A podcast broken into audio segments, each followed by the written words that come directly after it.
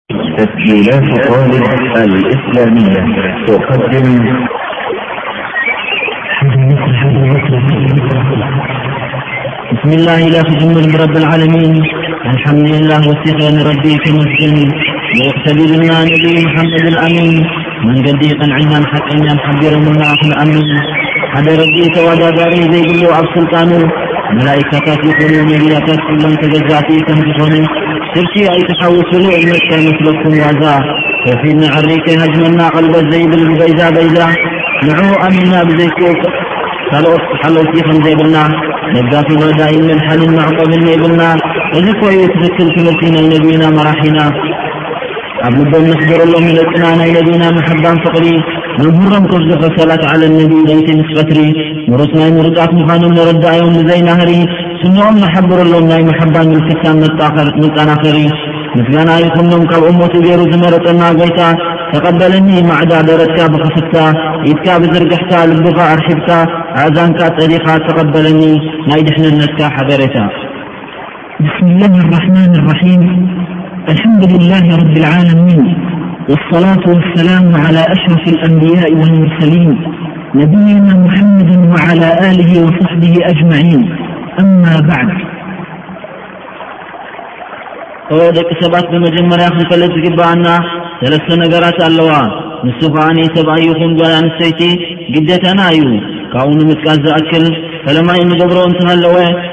ፈሊጥና ስቕ ምባል ዘይኮነስ ኣብ ተግባራዊ ንምውዓል ይኸውን። ስለዚ ቀዳማይ ኦ ክቡራት ኣሕዋት ረቢ ንዓና ፈጢሩና ከምኡውን ሽሻይ ሂቡና ሱቕ ኣይበለን ከምኡውን ኣብ መንጎ መንጎ ኣይገደፈናን ንቶም ምእዙዝ ዝኾኑ መልእኽተኛ ልኢኹልና ንዕኦም ተኣዘዘ ናብ ጀና ይኣቱ ንዕኦም ኣይክሰልን ዝበለ ከዓኒ መሃላልም ጀሃንም ይጥሕል ንዚ ዘረባ ክንዛረብ ኮለና ካብ እንታይ ተበጊስና ወይ ድማ ማስረጃ እንታይ እዩ ብዝብል ሕቶ ንዝቐርብ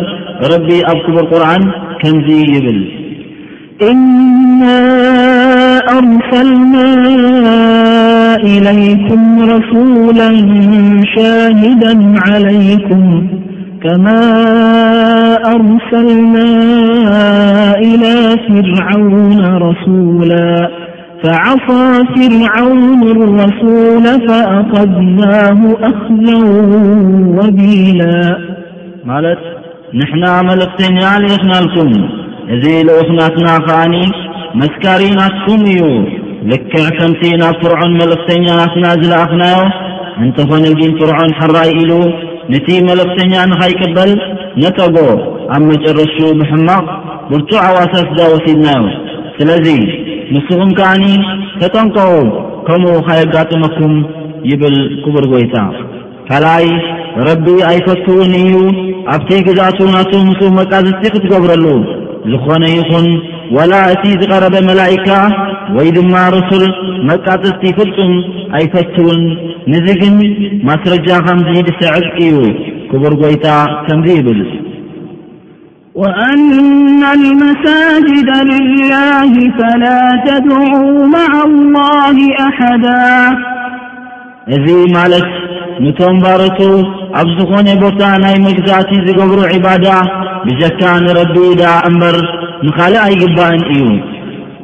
ሳልሳይ፣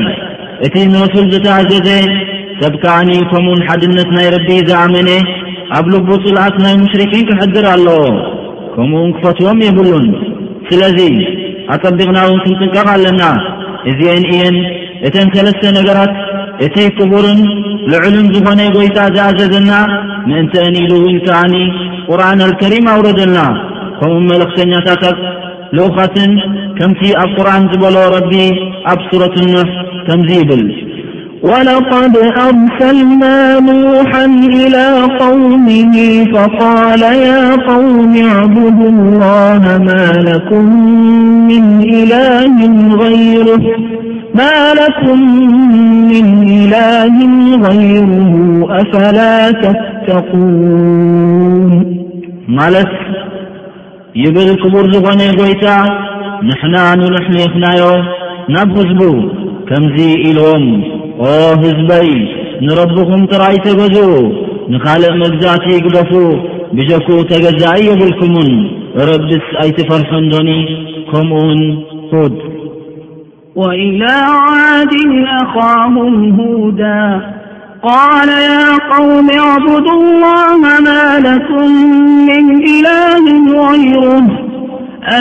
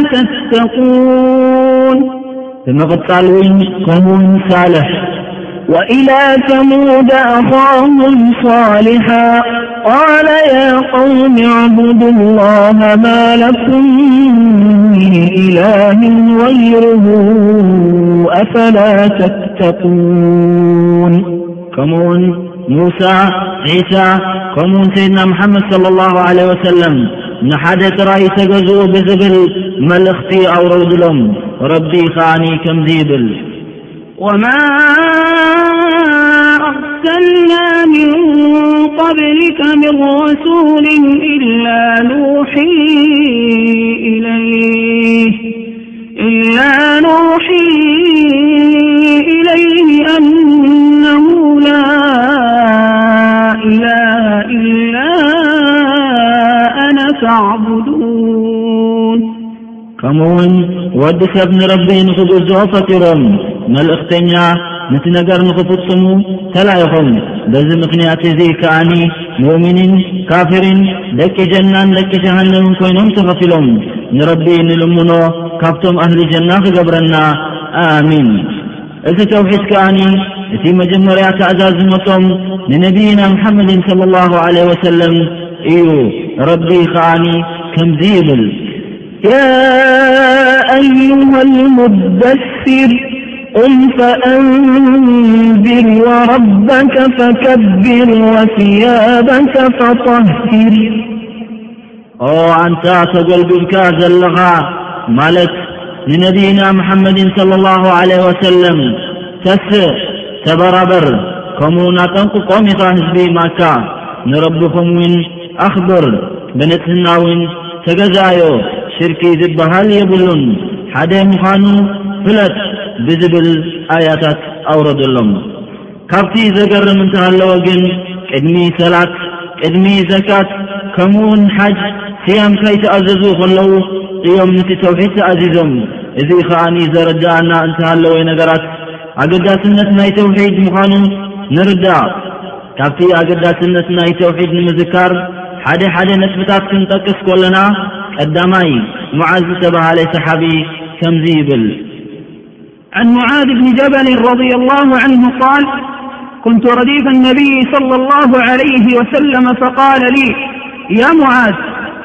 أتدري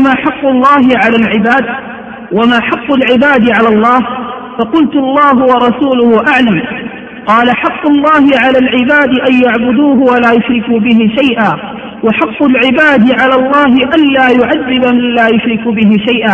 فقلت يا رسول الله أفل أبሽሩ الناስ قال لا تبشርهم فيتكب متፈق عليك ሓደ መዓልቲ ምስ ሰይድና መሓመድ صለ ላሁ ዓለ ወሰለም ብድሕሪኦም ኣብ ኣድጊ ተሰቒለ ከለኹ ከምዚ ዝብል ሕቶ ኣቕረቡለይ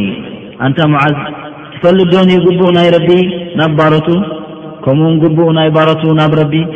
ከምዚ ዝብል መለስኩሎም ረብን ነቢይን ይፈልጡዎ በልክዎም ሰይድና መሓመድ صለ ላሁ ለ ወሰለም ከምዙ ይበሉኒ ረቢ እኮ ግብኡ ካብቶም ባሮቱ ንዕኡ ንኽግዝኡ ብንፅህና ልቦም ገይሮም ብጀካ ንዕኡ ዳ እምበር ንኻልእ ከይግዝዎ በሉኒ ኣስዕቦም ውን ከምዙ ይበሉኒ ከምኡ ከዓኒ ግቡኡ ናይ ባሮቱ ናብ ረቢ ከዓኒ ንሓደ ሰብ ንኸይዕዝቦም ሽርኪ እንተ ደኣ ዘይገበሩ ኢሎም ነብይና መሓመድ صለ ላሁ ለ ወሰለም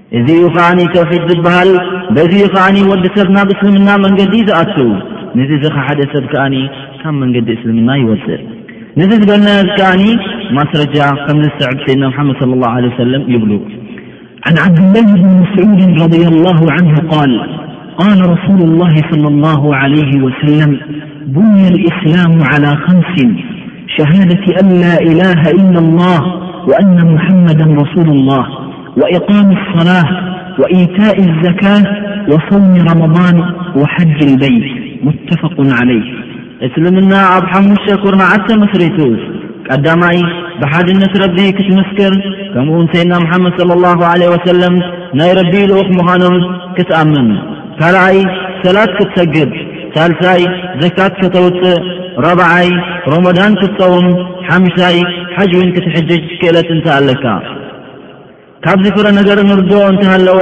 ዝኾነ እንገብሮ ነገራት ካብ ዒባዳ ልብና ኣንጽህና ክኸውን ኣለዎ ብጀካ ነቲ ሓደ ክቡርን ልዑልን ዝኾነ ጐይታና ጥራይ ምዃኑ ንርዳእ ካብ ሽርኪ ድማ ክንርሕቕ ይግብኣና ክቡራት ኣሕዋተይን ኣሓተይን ረቢ ሓሳባትናን ሓሳባትኩም ይምላኣና ሰፈርናን ሰፈርኩምውን ጀና ይግበሮ ኣሚን ዝኾነ ኣስላማይ ብሓድነት ናይ ረቢ ዝኣመነ ከምኡ ልቡ ኣንፂሁ ንረቢ ዝተገዘአ ቐፂሉ እውን ንሓቢቡና መሓመድን صለ ላሁ ለ ወሰለም እግሪ እግሮም ዝተኸተለ ዝኾነ ዝሰርሖት ነገራት ተቐባልነት ኣብ ረቢ ይረክብ ንዚ ዝበልናያ ማስረጃ እውን ረቢ ከምዚ ይብል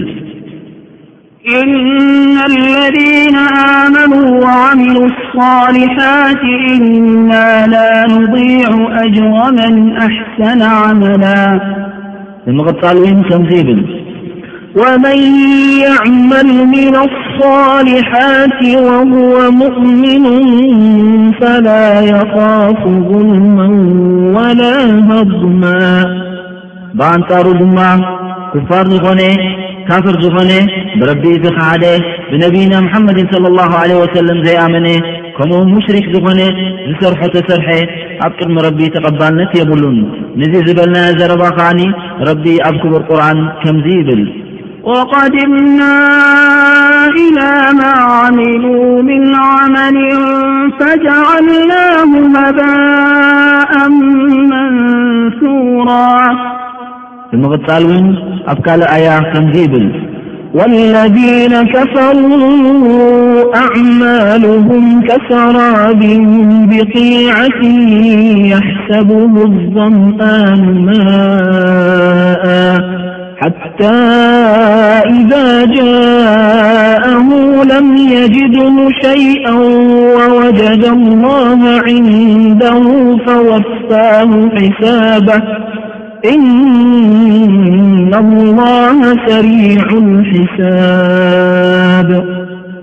ዝበዝሕ ቦታ ኣብ ቁርኣን እንተረኣና ረቢ ይዝክሮም ንቶም ብሓድነቱ ዝመስከሩ ሙእሚኒን ዝኾኑ ብዝገበርዎ ስራሕ ዓስቢ ናቶም ገይሩሎም ብኣንጻሩ ድማ ንቶም ብረቢ ዝኸሓዱ ክፋር ዝኾኑ ቦትኦም ሓዊ ጀሃንም ንኽኣቱ ተገቢእዎም እዩ ምኽንያቱ ናይ ረቢ መግዛእቲ ስለ ዘይተኸተሉ ከምኡም በቲ ረቢ ዘውረዶ መንገዲ ኣይንኸይድን ብማለት ስለ ዝነጸግዎ ቦትኦም ጀሃንም ኮይኑ ረቢ ካብኦም የድሕነና ኣሚን። እዚ ተውሒድ ክብ ዝበለ ዝለዓለ ደረጃ ሒዙ ምስ ተረኸበ ግዴታ ኮይኑ ተራእዩና ንኣሕዋትና ሙስሊሚን በዚ ኣድላይነቱ ከነዘክሮም ነታ ናብዚ ዓቢ ሽርኪ ከይወፁ ከይተፈለጦም ረቢ እውን ኣብ ቁርኣን ከምዚ ይሕብር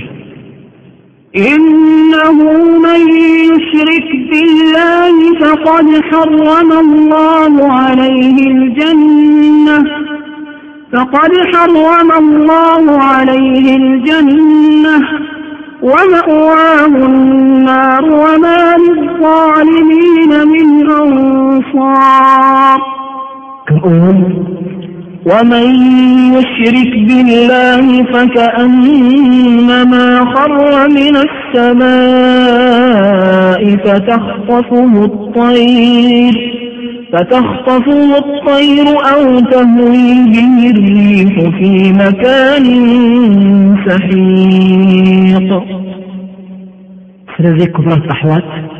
ጀና ኩላትና ክንኣትው ስለ ንደሊ ካብ ጀሃንም ክንድሕን እውን ድሌትና እዩ ስለ ዝኾነ እዛ ሸሪጥካ ሴት ከነውፃ ተበጊስና ካብቲ ሓደራ ንህና እውን ንዘይሰምዑ ኣሕዋትና ክተስምዑልና ንዓና ንኣኻትኩም ኣጅሪ ረቢ ይክተበልና ትሕሱ ናይ ሸሪጥ ከምዚ ይመስል ቀዳማይ ምዕራፍ ብልጸት ናይ ተውሒድ ካልኣይ ምዕራፍ ተውሒድ ማለት ሳልሳይ ምዕራፍ ተውሒድ ርቡብያ ራብዓይ ምዕራፍ ተውሒድ ኡሉህያ ሓምሻይ ምዕራፍ ተውሒድ ኣስማእ ወሲፋት ምዕራፍ ሓደ ብልፀት ናይ ተውሒድ ክቡራት ኣሕዋትና ረቢ ይርሓመልኩምን ይርሓመልና ክንፈልጥ ዝግብኣና ከምቲ ረቢ ካብ ሽርኪ ዘጠንቀቐና ንዞም ሽርኪ ዝገብሩ ሰባት ድማ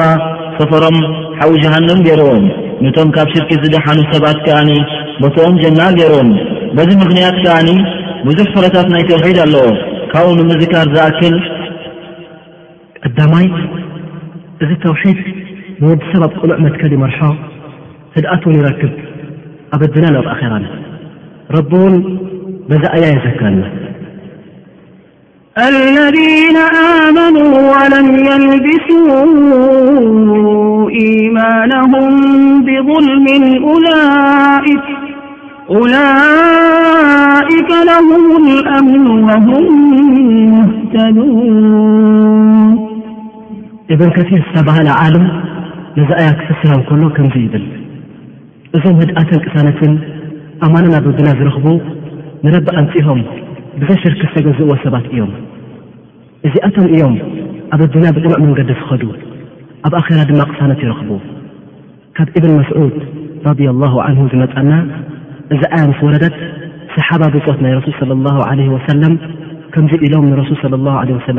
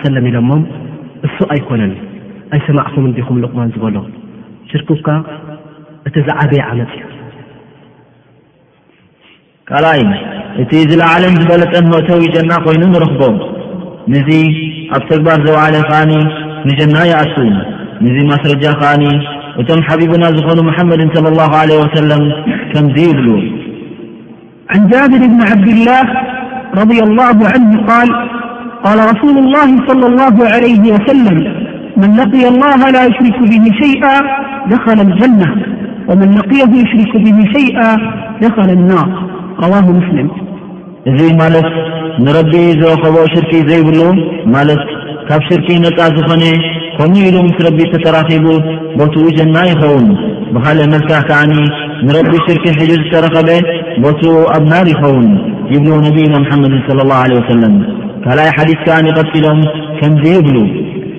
عن عبادة بن الصامت - رضي الله عنه - قال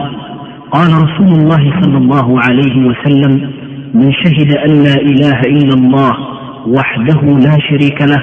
وأن محمدا عبده ورسوله وأن عيسى عبد الله ورسوله وكلمته ألقاها إلى مريم وروح منه ልጀነة ወናሩ ሓቅ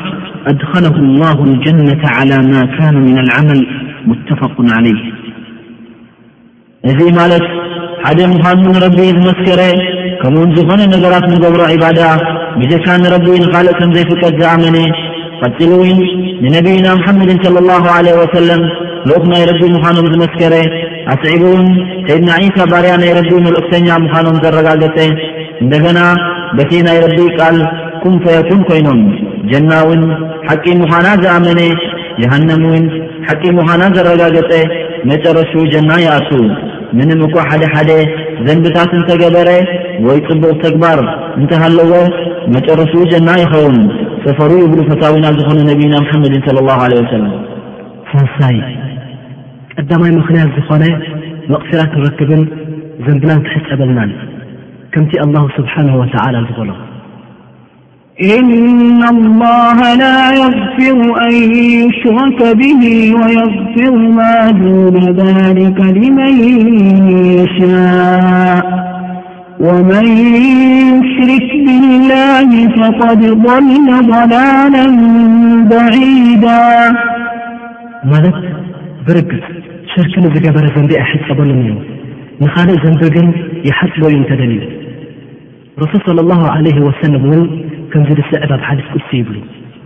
عن أنس بن مالك - رضي الله عنه قال سمعت رسول الله صلى الله عليه وسلم - يقول فيما يرويه عن ربه يا ابن آدم لو أتيتني بقراب الأرض خطايا ثم لقيتني لا تشرك بي شيئا لأتيتك بقرابها مغفرة رواه الترمذي وحسنهالت ረቢ ኢሉ፣ ኣንታ ወዲ ኣዳም፣ ንመሬት ዝሽፍን ዘንቢ ሒዝካ እንተ ትመጽኣኒ፣ እሞ ሽርኪ ከይገበርካ ምሳይ ተራኺብካ፣ ኣነውን ንመሬት ዝሽፍን መቕፊራ ሒዘ ይመጸካ። እወ፣ እዚ ከም ሰማዕካ መውሕድ ይኾንካ፣ ብስራት ይኾንካ በዚ ዓቢ ዓወት።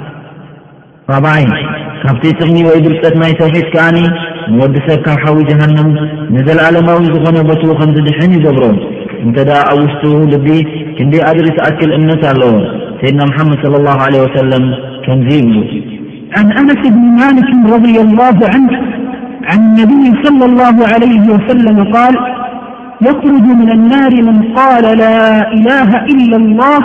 وفي قلبه وزن شعيرة من خير ويخرج من النار من قال لا إله إلا الله وفي قلبه وزن برة من خير ويخرج من النار من قال لا إله إلا الله وفي قلبه وزن ذرة من خير متفق عليه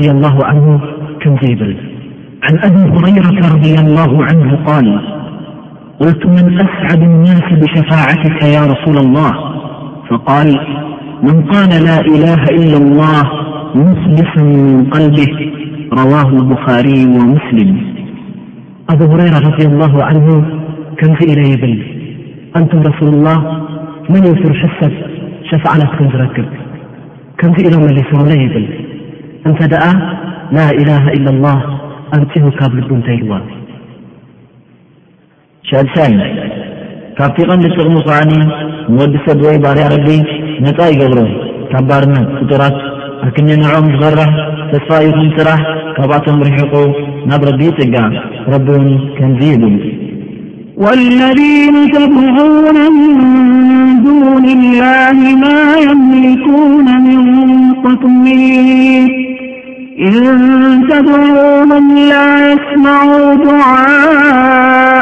ولو سمعوا مااستجابوا لكم ويوم القيامة يسفرون بشرككم ولا ينبئك مثل خبير يا أيها الناس أنتم الفقراء إلى الله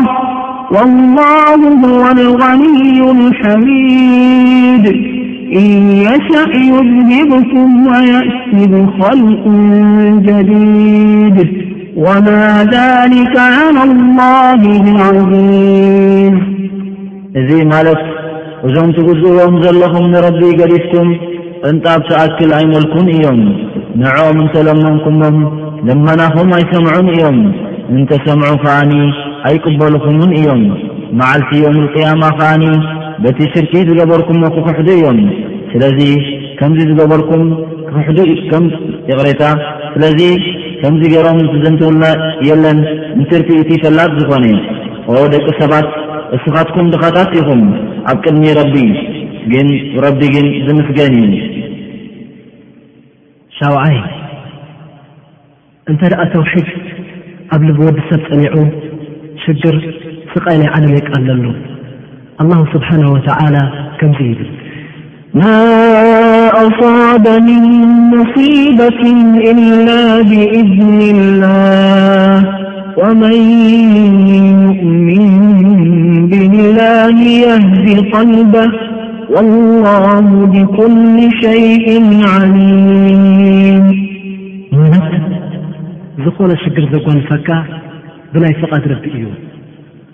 ብረቢ ዝኣመነ ከኣ ናብ ቅኑዕ መትከል ክመርሖ እዩ፣ ረቢ እውን ብኹሉ ነገር ፈላጥ እዩ።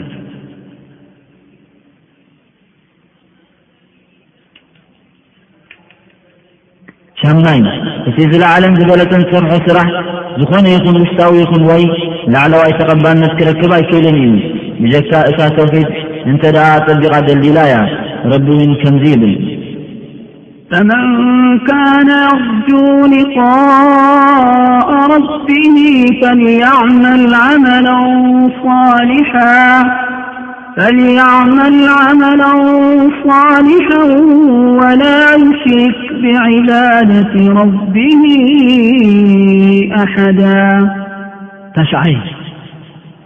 ኣላሁ ስብሓንሁ ወተዓላ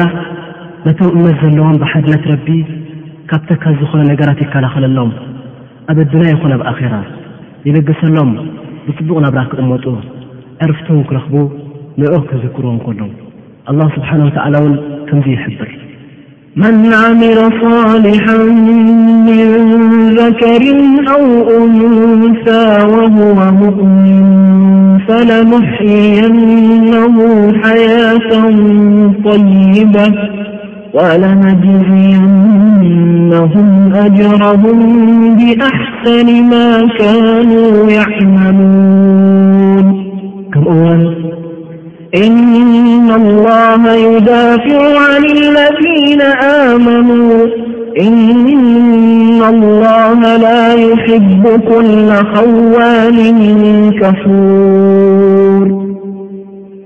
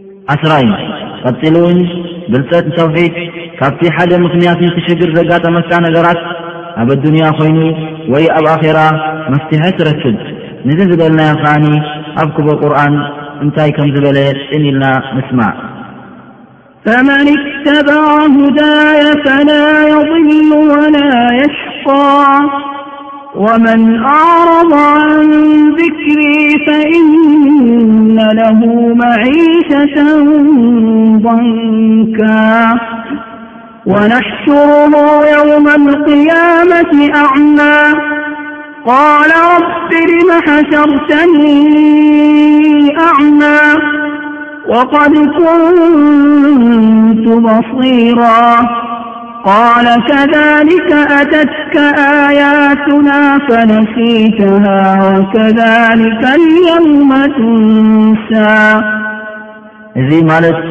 እዚ ኩሉ ከኣ ዝገለጽናዮ ከኣ ብዛዕባ ሓደ ሓደ ፍረታት ናይ ተውሒድ እዩ ብሓቂ ኣብ ተግባር እንተውዓልናዮ ከምኡውን ብንስና ጌርና ንረቢ ተተገዚእናዮ እቲ ረቢ ዝበለና እንተ ፈጺምና ካብቲ ዝበለና ነገራት እንተ ተኸልኪልና ንዚ ኩሉ ንስርሑ ዘለና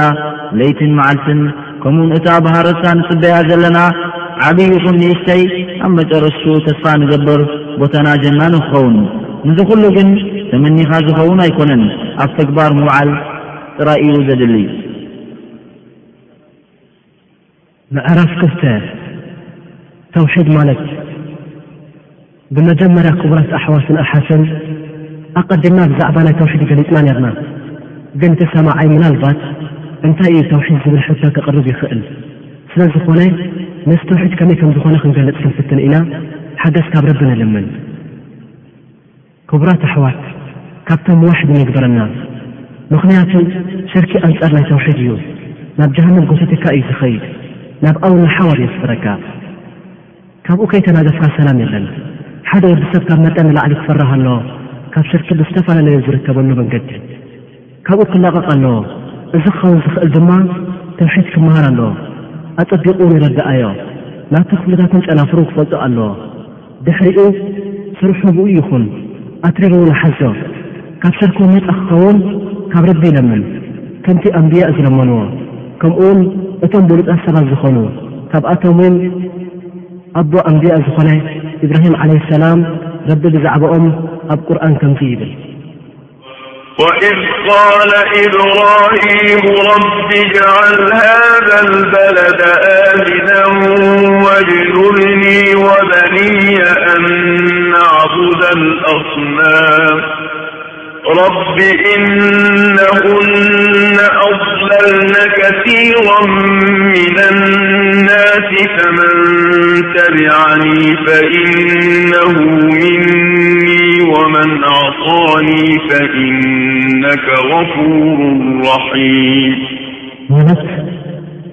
ኢብራሂም ኢሉ ኣንታ ረቢ ኣርሕቐኒ ምስ ደቀይ ካብ ጣኦት መግዛእቲ ንብዙሓት ደቂ ሰባት ኣጥፊኤን እየን ንዓይ ዝተኸተለ ካባይ እዩ ንዓይ ዝተኣዘዘ ከኣኒ እስኻ መሓሪ ኢኻ እወ ክቡራት ኣሕዋት ብጠቕላላ መረዳእታ ናይ ተውሒድ ከምዚ ይመስል እሱ ድማ ንረቢ ክትፈልጥ ከምኡ እውን እምነት ከተሕድር ብጀክኡ ካልእ ከምዘ የለ ጉድለት ዝበሃሉን የብሉን ንዑ ዝመስሉን የለን ንዑ ጥራሕ ክንግዝኦ ምዕራፍ ሰለስተ ተውሒድ ርቡብያ እዚ ተውሒድ ርቡብያ ከዓ እምነት ከነሕድር ከም ዘለና ንዝኾነ ይኹን ነገራት ሰብ ይኹን ወይ ኣድናን ረቢ ከም ዝፈጠሮ ኣስዕብና ውን ግዝኣት ናቱ ምዃኑ ከምኡ ውን ረቢ ከም ዝብለዖምን ከም ዘስትዮምን እንደገና ውን ረቢ ከም ዘምውትን ከም ዘጥዕይን ብጀክኡ ከም ዘየለ ከምኡ ውን እሱ እዩ ዝጠቕመና ወይ ድማ ዝጎድኣና ቐጺሉ ውን ሽግር ተጋጠመና ዱዓ ንገብሮ ብጀካ ንሱ ከኣኒ ካብ ሽግር ዘውፅኣና ከም ዘየለ ከምኡ ውን ኣብ ኢድ ረቢ ምዃኑ ክንፈልጥ ይግብኣና እዚ ተውሒድ ከኣኒ ማለት ተውሒድ ሩቡብያ እቶም ሙሽሪኪን ቁረይሽ ዝብሃሉ በዚ ኩሉ ነገራት ኣቐዲምና ዝገለጽናዮ እምነት ነይርዎም እዩ ብቓሎም እውን ኣረጋጊጾም እዮም ማለት ረቢ ንሰማይን ንመሬትን ዝፈጠረ ሽርኪ ዝብሃል ፍጹም ከም ዘይብሉ ብጀክኡ ዘሙት ከም ዘየለ ብጀክኡ ዝሕውይ ከም ዘየለ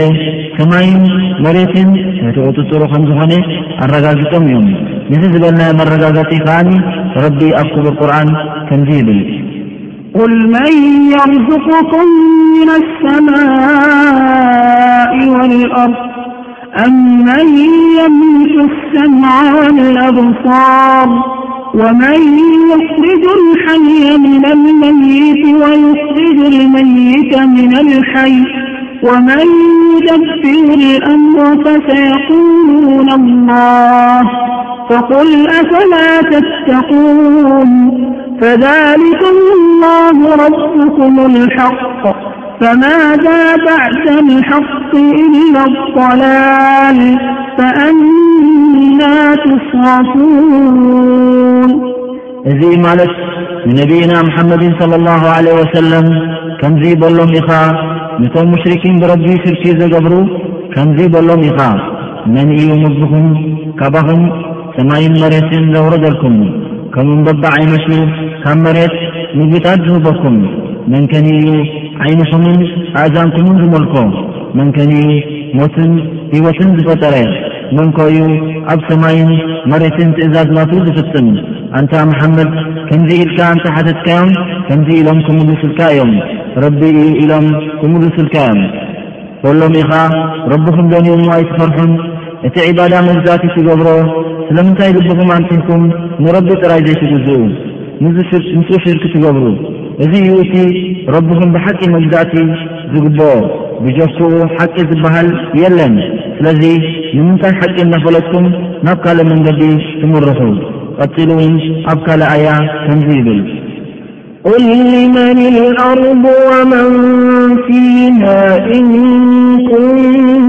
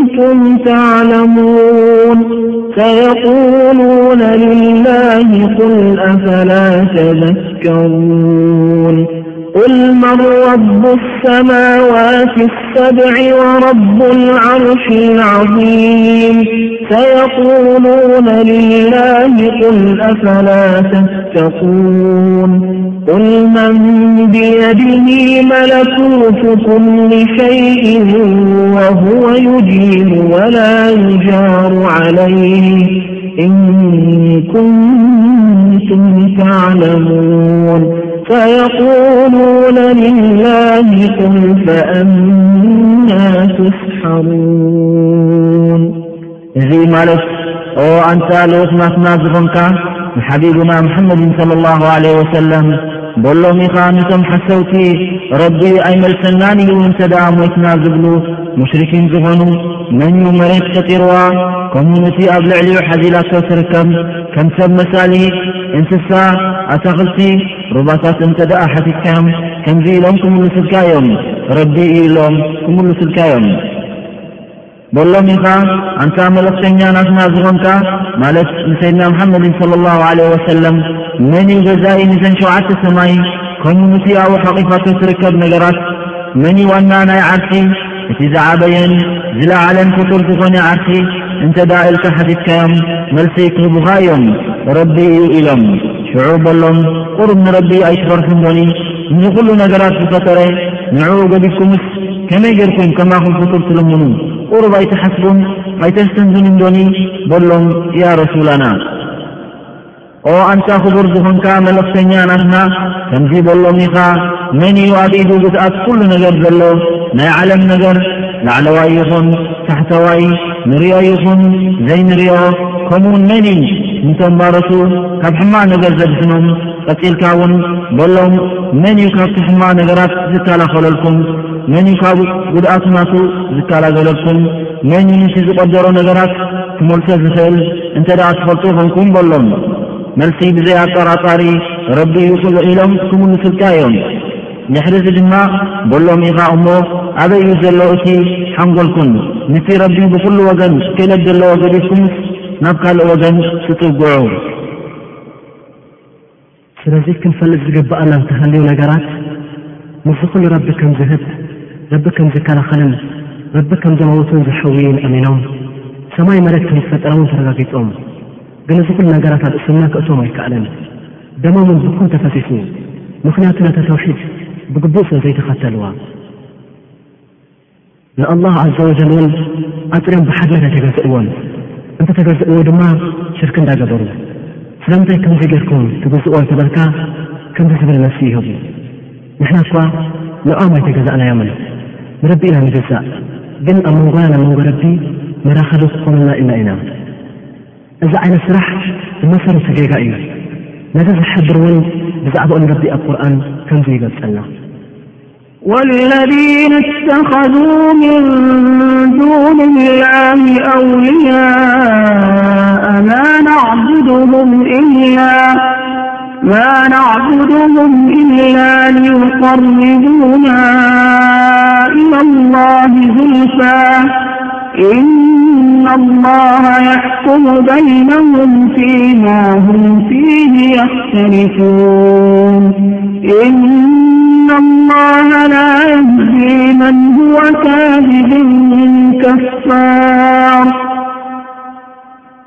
ንረቢ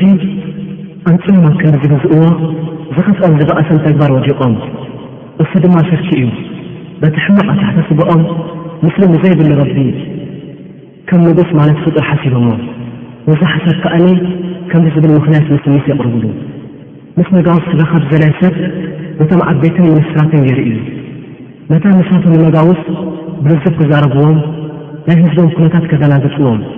ኣጣጢሖም'ውን የረድእዎም። ረቢ ድማ ከምዚ ጌርና ክንራኸቦ ክትብል እቲ ዝዓበየ ጌጋ ወንጀል እዩ። ፈጣርን ተፈጣርን ሓደ ይኾኑ ስለ ዘለዉ፣ እቲ ፍልይ ድማ ኣብ መንጎ ፈጣርን ተፈጣርን ከም ንሪኦ ንዕዘቦን ዓቢ ፍልይ እዩ ዘሎ። ብትዕዝብትና ክንሪኦ እንኮለና ወይ ውን ብኪታቡላህ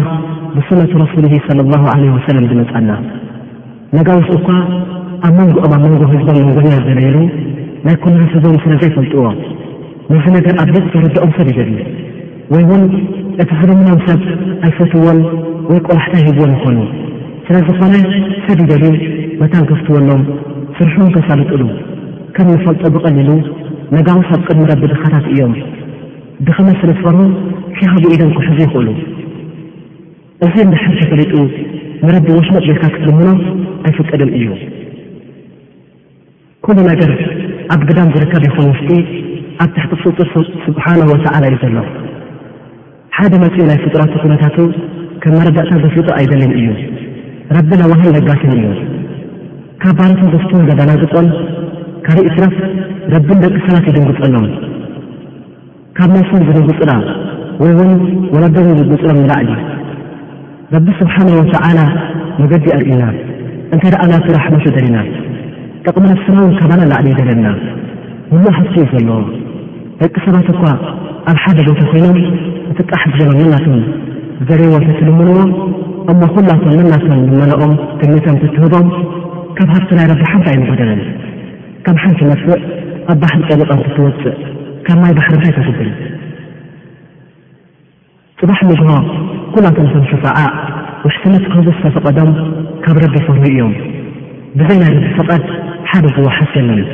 ኩሉ ነገር ኣብ ኢድ ረቢ እዩ ዘሎ። ስለዚ እዚ ዓይነት ዘሎ ምስናይ ሙሽሪኪን ክሳብ ክንደይ ድንቁርና ጅሁሊ ድርቅና ከም ዝነብሮም ንርዳእ። ከምኡ እውን ፍርቂ ዘይቅበር ዘይምሓር ዝኾነሉ ዝኸኣለ ክብረት ናይ ረቢ ስለ ዘላ እስኪ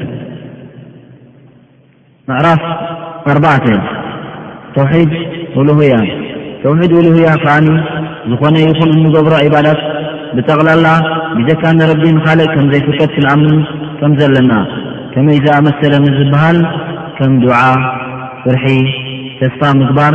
ናብ ረቢ ምጽጋዕ፣ ሓገዝ ከኣ ካብ ረቢ ምድላይ ክኸውን ኣለዎ። ምሕራድ፣ መጥባዓ፣ ኩሉ ናብ ረቢ ጥራይ ምዃኑ እምነት ኣሕዲርና ቐጺልና ውን ኣብ ተግባር ምርኣይ ኣስዒብና ውን ብጀካ ንረቢ መግዛእቲ ንኻልእ ክንግዛእ የብልናን። ከምኡ ብጀካ ናብ ረቢ ዱዓ ናብ ካልእ ክንገብር የብልናን። ወላ ሽሕ ግዜ እቶም ኣንብያ ወይ መላኢካ ይኹኑ፣ ወይ ድማ እቶም ኣውልያ ሳልሒን ወይ ንኻልኦት ፍጹም ኣይፍቀድን እዩ ማለት እቶም ዝሞቱ ሰባት ምናልባት እቲ ሰብ ሳልሕ ብህይወቱ እንተ ደኣ ኣሎ እሞ ኸኣኒ ኣብ ጥቓኻ ኣሎ ድዓ ግበረለይ ክትብሎ ትኽእል ኢኻ ብሕጽር ዝበለ መንገዲ መጥባዓ ክትገብር እንተ ደለኻ ወይ ክትሓርድ ንያ እንተ ገበርካ ወይ ሽግር ኣጋጢሙካ ወይ ፍርሓት ሒዙካ ናብ ረቢ ክትጽጋዕ ኣለካ ከምኡውን ናብ ረቢ መጥባዓ ክትገብር ኣለካ ናብ ካልእ ሰብ ፍጹም ኣይፍቀድን እዩ ብዝኾነ መንገዲ ይኹን ምኽንያት ምኽንያቱ እሱ እዩ ፈጢሩካ ንሱ ውን ምግቢ ሂቡካ መንገዲ ቁኑዑ መሪሑካ ናይ እስልምና ሃይማኖት መሪጽልካ ከመይ ገይሩ ንዑ ገዲፉና ከመይ ገይሩ ንዑ ገዲፍና ናብ ካልእ ዝኣመሰለ ፍጡር ክንከይድ ኣይግባኣናን ቁሩብ ኣይንሓስብን ወይ ድማ ኣይንማራመርን ስለዚ እዚ ኩሉ ዓይነታት ናይ ዒባዳ ከኣ ብጀካ ንዕኡ ደኣ እምበር ንኻልእ ኣይፍቀድን እዩ በዚ ምኽንያት እዩ ከኣ እቶም ኣንብያ ካብ መጀመርዮም ስጋብ መጨረስተኦም ነዚ ምኽንያት እዚ ከኣ ኩሎም ኣንብያ ተላኢኾም ስለ ሽርኪ ኣብ ወዲ ኣዳም ስለ ተረኸበ ምኽንያቱ ንቶም ሳልሒን ካብ መጠን ንላዕሊ ብዘይግቡእ ምፍታዎም ኣብ ሽርኪ ክወድቁ ክኢሎም ስለዚ ኣጸቢቕና ንሕሰብ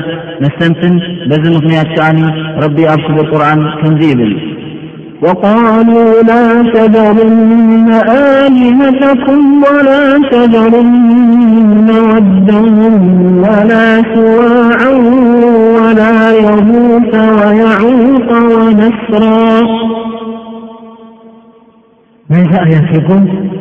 ሸኽ ዓብዱራሕማን ሳዕዲ ዝተባህለ ነዛ ኣያ ከምዚ ኢሉ ይፍስራ፣ እዞም ሓሙሽተ ኣስማት ማለት ውድን፣ ስዋዕን፣ የጉሳን፣ የዑቃን፣ ነስራን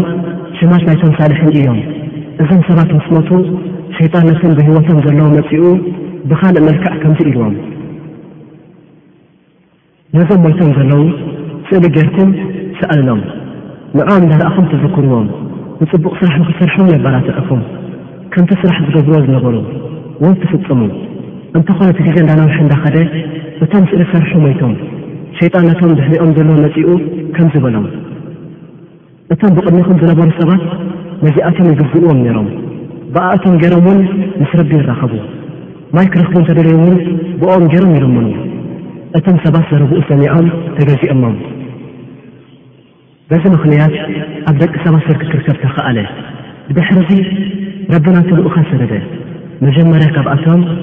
ኑህ ዓለይሂ ሰላም፣ መወዳእትኦም ሙሓመድ ሶለ ላሁ ዓለይሂ ወሰለም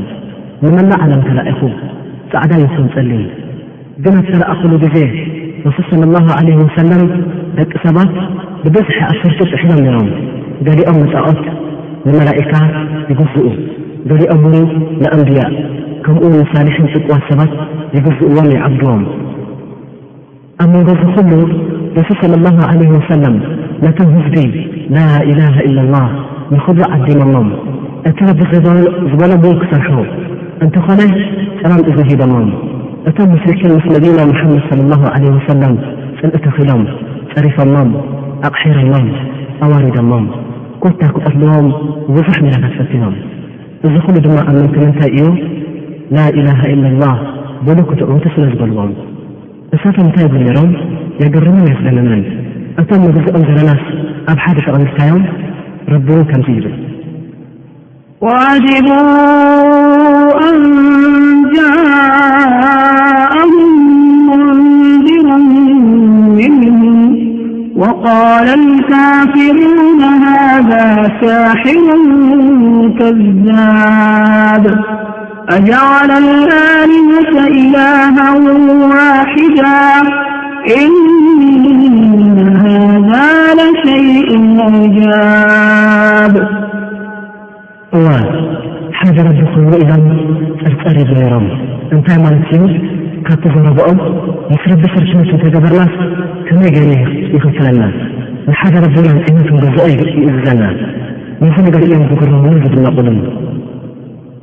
كفقربو مخناتن يرددا لفهخالق مفزؤ كمزبمنا يقربو الله سبحانه وتعالى كمز والذين اتخبوا من ول الله أوليا ياما نعبدهم إلان يقلبون إلى الله جمسى إن الله يحكم بينهم فيلا هم فيه يختلفون إن الله لا يهدي من هو كاذب كفار ማለት ነዞም ንግዝኦም ዘለና ኣባላን ኣብ መንጎ ረቢ መራኸቢ ክኾኑና ኢልና ኢና እዚ እውን እንታይ ይብሉ ኣለዉ ንሕና ረቢ ከም ዝኸለቐና እሱ እውን ዝረስቀና ጀክኡ ሓደ ዝጠቅም ዝጎድእን የለን ግን ዘንብና ብዙሕ ስለ ዝኾነ እቶም ሳልሒን ዝነበሩ ኣብ ቅድሚ ረቢ ዓብ ቦታ እዩ ዘለዎም ብኣእቶም ገና ምስ ረቢ ክንራኸብ ገለ ዝዓይነት ኣተሓስባን ኣባህላን ነቢይና መሓመድ ስለ ላሁ ዓለ ወሰለም ብፍጹም ኣይተቐበልዎን እንታይ ደኣ ንኣላሁ ስብሓን ወተዓላ ኣንጺሆም ብተሸኺ ክግዝእዎም ዝጽውዕዎም ነይሮም ብዝተፈላለየ ናይ ጸውዒት ስብከት ዓይነት ብለይቲ ይኹን ነቢይና መሓመድ ስለ ላሁ ዓለ ወሰለም ብፍጹም ኣይተቐበልዎን እንታይ ደኣ ንኣላሁ ስብሓነሁ ወተዓላ ኣምጺኦም ብዘሸክ ክግዝኡዎም ይጽውዑዎም ነይሮም። ዝተፈላለየ ናይ ጸውዒት ስብከት ዓይነት፣ ለይቲ ይኹን ቀትሪ፣ ብምስጢር ይኹን ጋህዲ። ንዓሰርተ ሰዓምት ዝኣክል ኮታ ምሉእ ዕድሚኦም ላኢላሃ ኢለላህ በሉ ክትዕወቱ እንዳበሉ ግን ኒሕ ብምግባር ሽርክ ክሕድነት ኣይንገድፍን ብማለት ትዕቢት ሒዝዎም ኣቦታትና ኣባሓጎታትና ዝግዝኡዎ ዝነበሩ ኣይንገድፍን ኢና በቲ ዝነበሩዎ መንገዲ ጉዕዘና ክንቕጽል በሉ። ድሕሪ እዚ ኩሉ ማዕዳ ምኽሪ ነቢ ሰለላሁ ዓለይሂ ወሰለም ምስ ኣቶም ውግኣት ቢሎም ደሞም እውን ብኸንቶ ንክፈስስ ተፈቒዱ ኣንስቶም ደቆም ንክማርኹ ፍቑድ ኮይኑ እዚ ድማ ስለዚ ክሓዱ ብረቢ እዩ ንረቢ እውን ብሓድነት ኣይኽበርዎን ከምቲ ተኣዘዙ ሕጂ ግን ኣብቲ ዘግርምን ዘሕዝንን እንተሃልዩ ሎሚ ዘለናዮ ግዜ ብዙሓት ደቂ ሰባት ብኣፎም ላኢላሃ ኢለላህ እንዳበሉ ኣብ ሽርክ ወዲቖም ይርከቡ ብብዙሕ ኣያታት ጠቕሲ ናይ ቁርኣን ከምኡውን ብሓዲስ ረሱሉላህ ሰለላሁ ዓለይሂ ወሰለም ተጠንቀቑ እንዳተባህለ ክቡራት ኣሕዋት ከመይ ገይሮም ዝብል ሕቶ ንሓትት ንኸውን ቀዳማይ ነገር ሸይጣን ጸላኢና ምዃኑ ኣይንረስዕ ከምኡውን ሸይጣን ንወዲ ኣዳም ኣብ ሽርኪ ንኸውድቖም ቃል ኣት እዩ ስለዚ መብዛሕትኦም ደቂ ሰባት እንተ ረኣኻዮም እቶም ሳልሒን ኣብ ስር እቲ ቈብሮም ቁባ ይገብሩሎም መጽኦም እውን ይሓርድሎም መጥባዓ እውን ይገብሩሎም እና ልላህ ወእና ኢለይህ ራጅዑን ከምኡ ናብቲ መቓብር ናቶም ይሰጉዱ ቐጺሎም ኣብቲ መቓብር ከይዶም ይድረዙ በረካ እንዳበሉ ጠዋፍ ይገብሩ ምስኡ ውን ይልምንዎም ከምኡ ውን ተስፋ ይገብሩ ሽግር ክፈትሑሎም ይልምኑ ኢና ልላህ ወኢና ኢለይህ ራጅዑን እዝስ ንኽቡር ጎይታ ድዩስ ወይስ ኑቲ በሊዑ ሰትዩ ዝመውት ሰብ ሓስቡና ኣላህ ወኒዕም ልወኪል ገሊኦም ከኣ ኣብቲ መቓብር ከይዶም ሓገዝ ኢሉም ኢሉ ውላድ ሃበና ሽግርና ፍትሓልና ብዝብል ቃላት ክዝርዝሩ ትሪኦም እዚ ኩሉ ተገለፀ ንኽብር በዓል ግርማ ቤተ ኣላ ስብሓን ወተዓላ ድዩ ዝኸውን ወይስ ንፍጡር ወዲ ሰብ በሊዖም መወዳእትኡ ዝመውት መልሲ ካብ ሰማይ ይኹን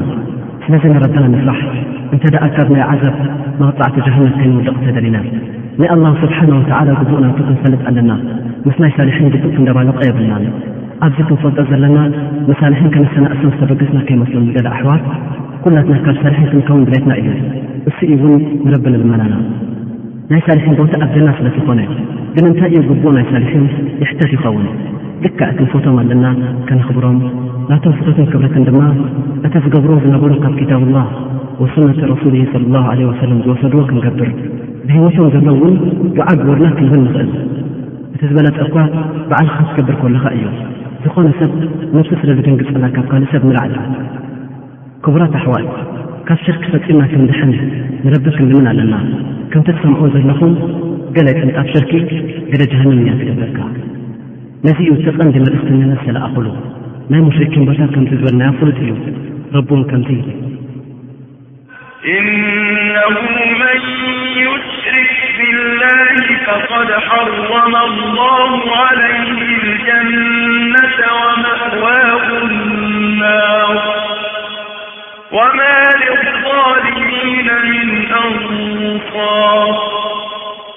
ክቡራትን ፍትዋትን ዝኾንኩም ኣሕዋት ጽባሕ ንግሆ ምስ ረቢ ሽርኪ ጌርካ ክትራኸብ ተቕርቦ ምኽንያት ተቐባልነት የብሉን። እዞም ኣብ ሽርኪ ዝወደቑ ሰባት ንረቢ ገዲፎም ንኻልእ ዝሓርዱ ኣይግባእን እዩ እንተበልካዮም እንታይ ይብሉ ኣይፋልናን ንሕና ክንሓርድ እንኮለና እኳ ብሽም እገለ ኢና ኣይሓረድናዮን ብሽም ረቢ ኢና ሓሪድናዮም ምልስ ኢልካ እውን ንምንታይ ደኣ ኣብ መቓብር ትሓርዱ ዓመት ዓመት ወይ እውን ናይ እገለ ወልይ ዓመት ኢልኩም እንታይ ይብሉ ምእንታን ረቢ ክረሕመና ምእንቲ ሳሊሒን ንሕና እኳ ሰብ ዘንቢ ኢና ብዙሕ ኣበሳ እዩ ዘለና ረቢ ድማ ካብቶም ሰብ ተቕዋ ረቦም ዝፈርሑ እዩ ዝቕበል እዚ እዩ እቲ ቀንዲ ሽርኪ ዝበሃል ንረቢ ገዲፍካ ንኻልእ ክትሓርቅ ክትልምን እቶም ናይ ቀዳሞት ሙሽሪኪን ዝነበሩ በዚ በሃህላ ንጀሃነም ክኣትዉ ተፈሪዶም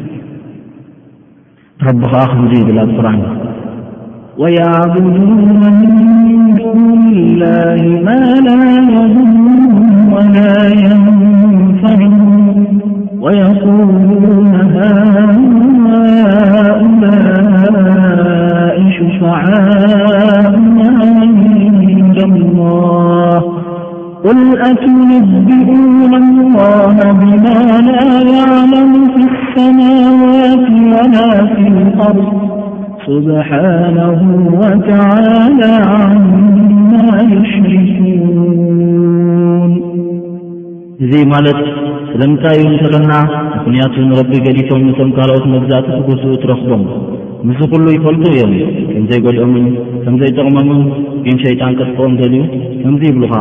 ንሕና እኮ ንፈልጥ ኢና ከም ዘይህቡናን ከም ዘይክልኩሉናን ግን መንጎኛ ኮንና ኢና ንግዞም ስብሓን ላህ ረቢ ኸዓኒ ከምዚ ኢሉ መሊስሎም ኣነ እኮ ገሊጸልኩም እየ ምሳይ ሽርኪ ዝበሃል ከም ዘየለ ግን ምስዚ ኩሉ ቦግ ኣቢልኩም ሽርኪ ኣለዎ ትብሉ ስለዝስ ንስኹም ዲኹም ትፈልጡ ወይስ ኣነ ይብል ክቡር ዝኾነ ጎይታ ኣዎ ኣቱም ኣሕዋትና እስልምና ዲን ተኽተልና ረቢ ካብ ሽርኪ ዝበሃል የድሕነና ከምኡ ውን እቶም ኣሕዋትና ዝያራ ዓመት ዓመት ዝገብሩ ናይ ኣውልያ ከምኡ ውን መፅበዓ ናብ ካልእ ዝገብሩ ዘለዉ ሰባት ንሕና ኣሕዋትና ስለ ዝኾኑ ንሶም ከዓኒ እዚ ነገር ከይፈለጡ ስለ ዝገብርዎ ንሕና ጌጋ ከምዝኾኑ ከም ዝኾነ ክነረግፁ ክነረድኦም ኢና ሽሕ ግዜ ዘንብኻ እንተበዝሐ ረቢ መንጎኛ እንተዘይገበርካለይ ዘንብኻ ኣይሓጽበልካን ድየ ኢሉ ከምዚ ከምዘይበለ ሚእቲ ካብ ሚእቲ ንኣምን ኢና ስለዚ ክቡራት ኣሕዋትና ንሕና ሸፋዓ ናይ ሰይድና መሓመድ صለ ላሁ ለ ወሰለም ከጋጥመና ተስፋ ንገበር ንረቢ እውን ንልምኖ ስለዚ ኣብ ሽርኪ ዝወደቂ ሸፋዓ ኣብ ሽርኪ ዝወደቂ ሰብ ሸፋዓ ናይ ሰይድና መሓመድ ስለ ላሁ ለ ወሰለም ክረክብ ይኽእል ዶ ወይስ ካብቲ ሸክ ዝልምኖ ዝነበረ ክረክብ እዩ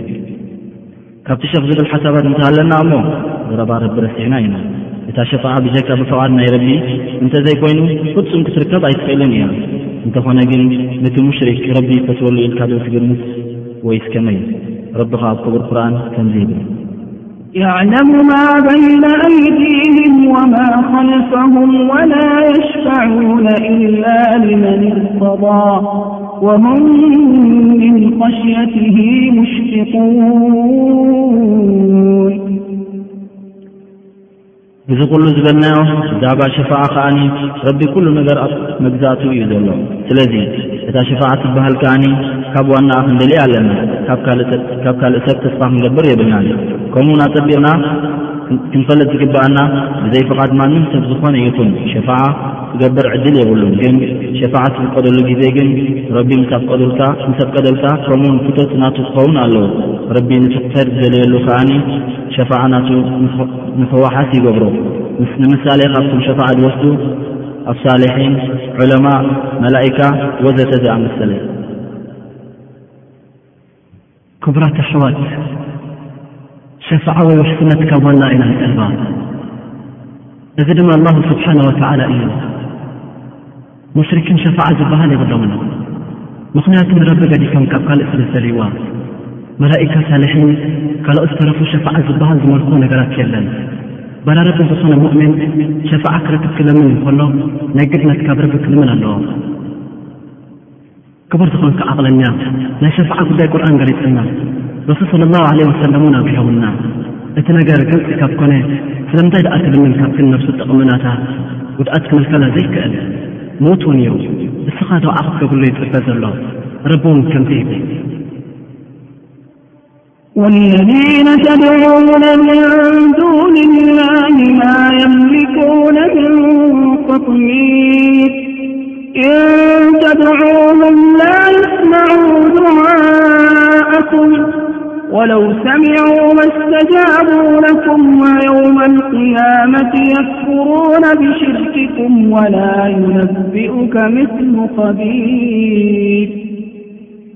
ስለዚ እዞም ኣብ መንጎ ረብሪ ገይሮም ከም መራኸቢ ዝጥቀሙሎም ዘለዉ ዝውንንዎ ዝመልክዎ ነገር የለን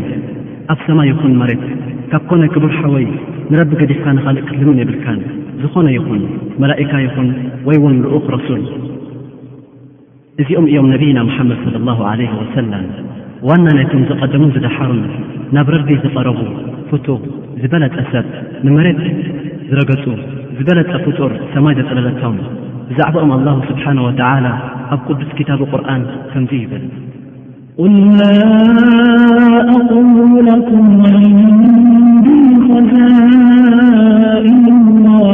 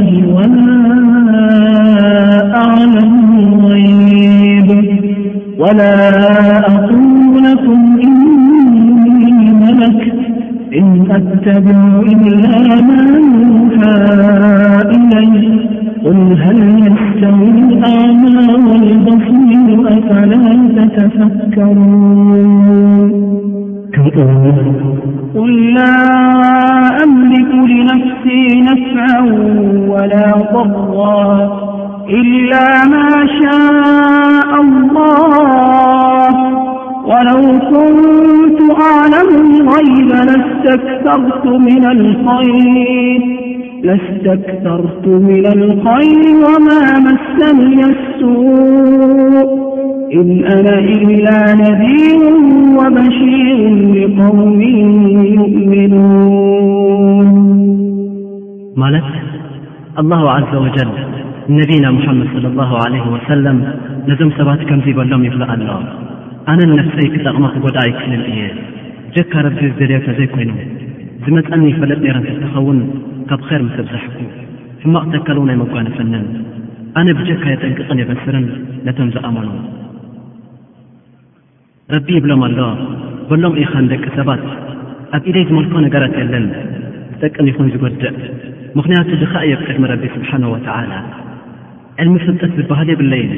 ብጀካ ኣላሁ ዓዘወጀል ዘፍለጠኒ ዕልመል ገይብ ወይ ዝመፅኣኒ ነገር ይፈልጥ ነይረ እንተትኸውን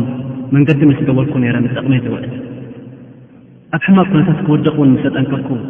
ግን ዕልመልገይብ ወይ ዝመጽኣኒ ዘይምፍላጠይ ሕማቕ ክረኽበኒ ይኽእል እዩ። ካብ ናይ ኣዱንያ ጠቕሚ እውን ክሓልፈኒ ይኽእል። ኣነ ዘለኒ ከጠንቅቐኩም መታን መቕጻዕቲ ናይ ኣዱንያን ኣኼራን ከይረኽበኩም ክበስረኩም እየ ብኣጅሪ ንጽቡቕ ሰናይ ተግባር እንተ ተዓጢቕኩም። ግን በዚ ትብልኩም ዘለኹ ብስራት ዝጥቀም የለን እምትርፍ ሙእምን እዩ። እዚኦም እዮም ነቢይና ሙሓመድ صለ ላሁ ዓለይሂ ወሰለም ዝብሉ ዘለዉ። ስለዚ ከመይ ጌርና ካብ ደረጃ ናይ ሰሓባ ትሕቲ ዝርከብ ሰብ ግደፍዶ ናይ ሰይድና ሙሓመድ صለ ላሁ ዓለይሂ ወሰለም ልመና ይቐርቦ? ከመይ ጌሩ ኸ ንኣላሁ ዓዘ ወጀል ስብሓነሁ ወተዓላ ገዲፉ ንኻልእ ይልመን? ከምዚ እንዳተባህለ ኣንታ ወለ እገለ ተሓበሩና፣ መደድ ወይ ሓገዝ ደገፍ ካባኹም፣ ሕሙመይ ውላደይ ካብዛ ሕማም ተርፊኹምለይ ሽሕ ዝጨጉራ ኣርባዕተ ዝመሓውራ ክሓርደልኩም እየ ከም ዝኣመሰለ ዘረባታት ይዝውተር እንታይ ይበሃል ኢና ሊላህ ወኢና ኢለይሂ ራጅዑን ረቢ በዓሉ ኩሉ ይፈልጦ እዩ ስለዚ ኣሕዋት ኣብ መንጎናን ኣብ መንጎ ረቢ ወሽመጥ ዝበሃል የለን ተኺልና ብቕንዕና ንረቢ ዱዓ ንግበር ሸኽ እገለ መፅኡ ክከላኸል ወይ ክጠቅም ኣይክእልን እዩ ከምኡውን ኩሉ ነገር ዘጓንፈና ካብ ረቢ እዩ ናብኡ ክንጽጋዕ ኣለና እምበር እዚ ኣጋጢሙኒ ዘሎ ነገር ንሸኽ እገለ ከምዚ ስለ ዘይገበርኩሎም እየ ዝበሃል ሽርኪ ብመሰረቱ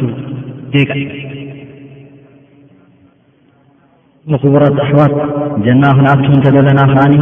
በቲ ናይ ፍቱ ዝኾኑ ሓቢብና መሓመድ ስለ ላሁ ለ ወሰለም መንገዲ ኢና ንኣቱ ካብ ጀሃንም ክንድሕን እንተደለና ከዓኒ በቲ መንገዲ ናቶም ሒዝና ክንርሓቕ ንኽእል ስለዚ ሕጂ እስከ ንስማዕ من ملكة معز ن كمزبلقبر زفنوا نبينا محمد صلى الله عليه وسلم عن أبي هريرة رض الله عنه قال قال رسول الله صلى الله عليه وسلم يا معشر قريش اشتروا أنفسكم لا أغني عنكم من الله شيئا يا عباس بن عبد المطلب لا أغني عنك من الله شيئايا صفية عمة رسول الله - صلى الله عليه وسلم لا أغني عنك من الله شيئا ويا فاطمة بنت محمد - صلى الله عليه وسلم سليم من مال ما شئت لا أغني عنك من الله شيئا أخرجه البخاري ومسلم ኣቢ ሁረይራ ዝተብሃለ ሰሓቢ ረሱል ከምዚ ኢሎም የውርዩልና ኦ ኣንቱም ህዝቢ ቁረሽ ንነብስኹም ግዝእዋ ብረቢ እመኑ ጽቡቕ ተግባራት ስርሑ ኣነ ፍጹም ቅንጣብ ተኣክል ካብ ረቢ ዘድሕነኩም ኣይክእልን እየ ኦ ኣንታ ዓባስ ወዲ ዓብዱልሙጠሊብ ዝኾንካ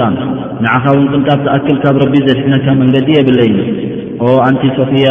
ኣሞ ናይ ሰይድና መሓመድ ለ ላ ለ ወሰለም ዝኾንኪ ንዓኺውን ካብ ረቢኹም ካብ ትኣክል ዘድሕነኪ መንገዲ የለን ኦ ኣንቲ ፋጥማ ጓል መሓመድን صለ ላሁ ለ ወሰለም ንዓኺውን ቅንጣብ ትኣክል ዘድሕነኪ ኣብነት የብለይን እንተ ደሊኺ ደስ ዝበለኪ ኣሕታኺ ዝኾነ ካብ ገንዘበይ ሕተትኒ ኢኺ ግን ካብ ረቢ ዘድሕነኪ የብለይን በልዋ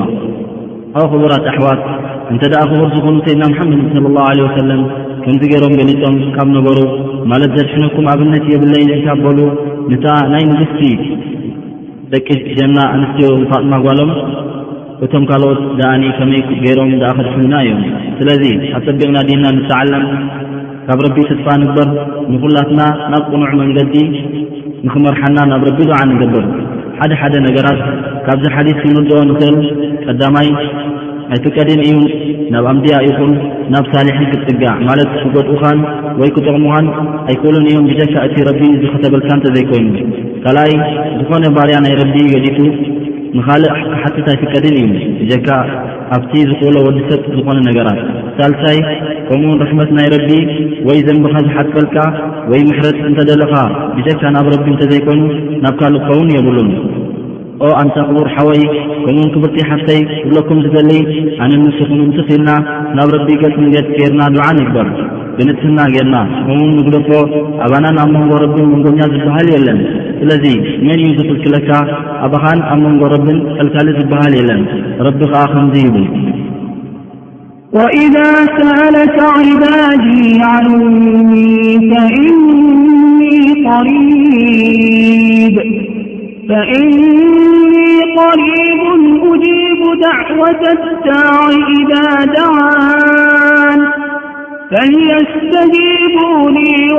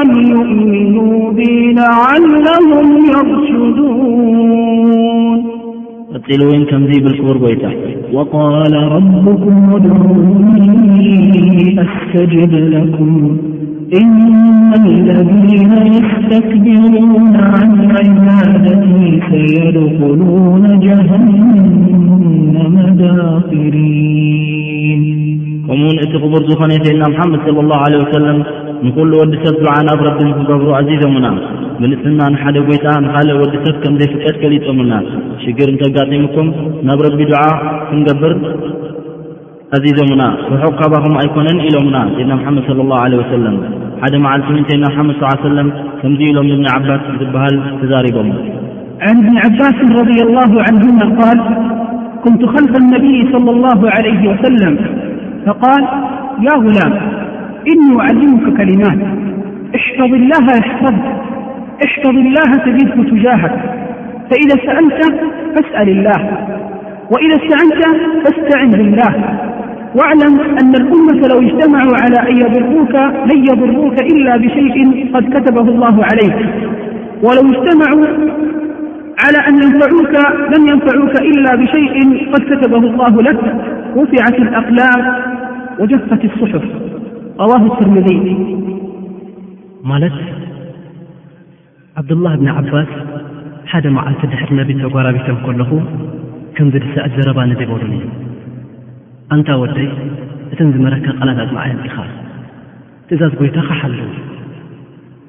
ካብ ዝኸልከለካ ነገራት ተኸልከል፣ ክሕልወካ ፍቓዱ ኣማልእ፣ ኣብ ቅድሚኻ ክትረኽቦ እንተ ለመንካ ንረቢ ለምን፣ ደገፍ እንተ ደለኻ ናብ ረቢ ተጸጋዕ፣ ሓገዝካ ካብኡ ድለዮ፣ ፍለጥ ኢኻ ኩሎም ፍጡራት ተኣኪቦም ክጠቕሙኻ እንተ ጽዒሮም ካብቲ ረቢ ዝኸተበልካ ንላዕሊ ፈጺሞም ኣይጠቕሙኻን እዮም፣ ክጎድኡኻ ኢሎም እንተ ጸዓሩ ከኣ ካብታ ረቢ ዝኸተበልካ ኣይሓልፉን እዮም፣ ፍርዱ ብጥንቱ ተወሲኑ፣ ብርዕታቱ ኣልዒሉ። ቀደሙ ኣብ ጽሑፍ ኣድሪቑ ኣብቂዑ ኢሉ እዩ። ኣብ ግዜ ራህዋኻ ምስ ጐይታ ተላለይ፣ መታን ኣብ ጭንቂ ኣህርቐካ። ፍለጥ ኢኻ፣ ዝሰሓተካ ነገር ከም ዘይጭምተካ፣ ዝጨመተካ ኸኣ ከም ዘይስሕተካ። ፍለጥ፣ ዓወት ድሕሪ ጸገም ከም ዝስዕብ፣ ራህዋ ኸኣ ድሕሪ ጸበባ፣ ደስታ ኸኣ ድሕሪ ጭንቂ ከም ዝስዕብ።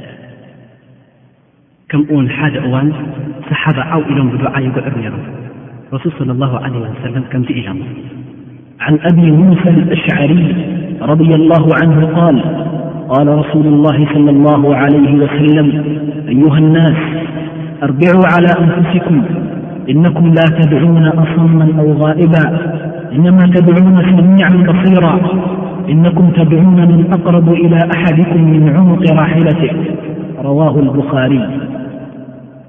ማለት ቀስ ኢልኩም ዱዓ ግበሩ ነቲ ትልምንዎ ዘለኹም ረቢ ካባኹም ዝረሓቐ ወይ ጸማም ኣይኮነን ስለዚ ረቢ ናባና ዝቐረበ እዩ ኩሉ ንሰርሖ ተግባር ይርኦ እዩ ካብ ጎይታ ክንሃድም ኣይንኽእልን ኢና ካብ ናይ ሰርደምና ሓብለ ሰረረት ዝቐረበ እዩ እንተድኣ ረብና ካብ ስርደምና ዝቐረበ እንተኾይኑ በዚ ዘገርም ደረጃ ምሳና ንዘየሎ ክልመን ረቢ ገዲፍና ንዘይሰምዓና እንተሰምዑውን ዝህቦ መልሲ የለን እሱ ይደሊ ካባና ክንድንግጸሉ ዱዓ ክንገብረሉ ነዚ ዘመስክር ማስረጃውን ረቢ ከምዚ ይብል ኣብ ክታቡ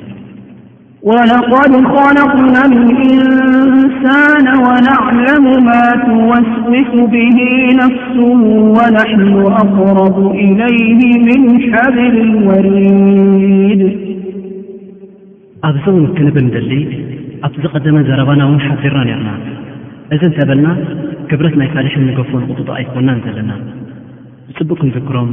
ረቢ ይርሓመሎም ክንብል ኣለና ግን ካብቲ ናቶም ደረጃ ከነልዕሎም የብልናን። ኦ ክቡራት ሰማዕቲ እንተ ደኣ ንሰይድና ሙሓመድ ሰለላሁ ዓለይሂ ወሰለም ካብቲ ረቢ ዝሃቦም መዓርግ ሓፍ ከነብሎም እንተ ደኣ ዘይፍቀዱልና ኮይኖም ንኻልኦት ደኣኒ ከመይ ክኸውን እዩ? እዚኦም እቶም ዝበለጹን ንረቢ ፈራሕ ዝኾኑ ከምኡውን ናይ መጨረሻ መልእኽተኛ ዝኾኑ ካብ ቦትኦም ንላዕሊ ከነምልሶም ዘየፍቀዱልና ስለዚ ንካልኦት ደቂ ሰባት ውን እካ እቲ መጠኖም ኣጸቢቕና ክንሓልፍ ኣይፍቀድን እዩ ኦ ክቡራት ኣሕዋተይ ሙስሊሚን ዝኾንኩም ኣንቱም ዘለኣለማዊ ሕጉሳት ኮንኩም ክተሕልፍዎ ትደልዩ ኣብ ኣዱንያ ክሳብ ዘለኹም ኣብ ኣኼራ ውን ምሕርትኩም ከምኡ ካብ ሓዊ ጀሃንም ክትድሕኑ ትደልዩ ሰባት ሲራጥ ናይ ጀሃንም ክትሓልፍዎ ትደልዩ ሓደራ ሓደራ እግሪ ናይ ሸና መሓመድ ስለ ላሁ ለ ወሰለም ክንከይድ ከም ዘለና ዝኾነ ንገብሮ ተግባራት ግድነት ኣብ ክታብ ወይ ኣብ ሱና ማስረጃ ክህሉ ኣለዎ እንተዘይኮይኑ ተቐባልነት የብሉን ስለዚ ብሓቂ ንፈትዎም ንረሱል صለ ላሁ ለ ወሰለም እንተ ደኣ ኮይና እሞ እቲ ክተት ዝበሃል ኣብ ውሽጢ ልብና ናይ መልሓስ ጥራይ ዘይኮነስ ስለዚ ኣብ ውሽጢ ልቢ እንተ ኾይኑ እቲ ዝገበርዎ ንገብር ዘይገበርዎ ኸዓ ንገድፍ ረቢ ኸዓ ኣብቲ በቁርን ከምዙ ይብል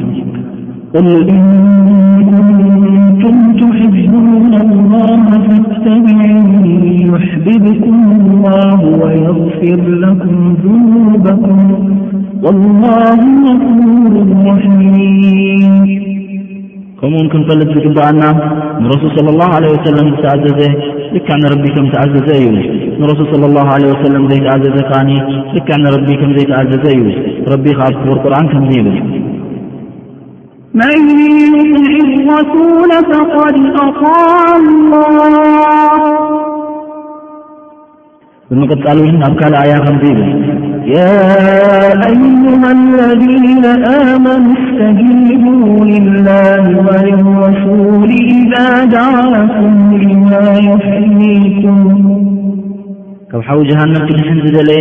ኣብ መንጎኡን ኣብ መንጎ ረቢን ከልካሊ የለን ስለዚ ኩሉና ናብ ረቢ ክንፅጋዕ ይግብኣና ናብ ረቢ እውን ዱዓ ክንገብር ኣለና ካብቶም ሓቀኛ ዝኾኑ ሸሃዳ ከምኡውን ሳሊሕ መንገዲ ክትሕዘና ናብ ረቢ ዱዓ ንገብር ምዕራፍ ሓሙሽተ ተውሒድ ልኣስማእ ወስፋት ሓድነት ኣስማቱን መግለጽታቱን መጀመርያ ኣርእስቲ ናይ ረቢ ጸጋ ሽማቱን ልዑል መግለጽታቱን ኣድላይን ንዓለም ዝኾነ ነገር ክቡር እዩ እንተበልና ናይ ረቢ ሽማቱን መግለጽታቱን ስለ ዝገልጽ ብምዃኑ እዚ ብሓደ ወገን እዩ ብኻልእ ሸነኽ ድማ ብዛዕባ ረቢ ምፍላጥ እቲ ቀንዲ ቐንድን ዕዝዝን ስለ ዝኾነ እዚ ድማ ምፍላጥ ኣስማቱን መግለጽታቱን ናብ መገዲ ጀና ሒዝና ስለ ዝኣቱ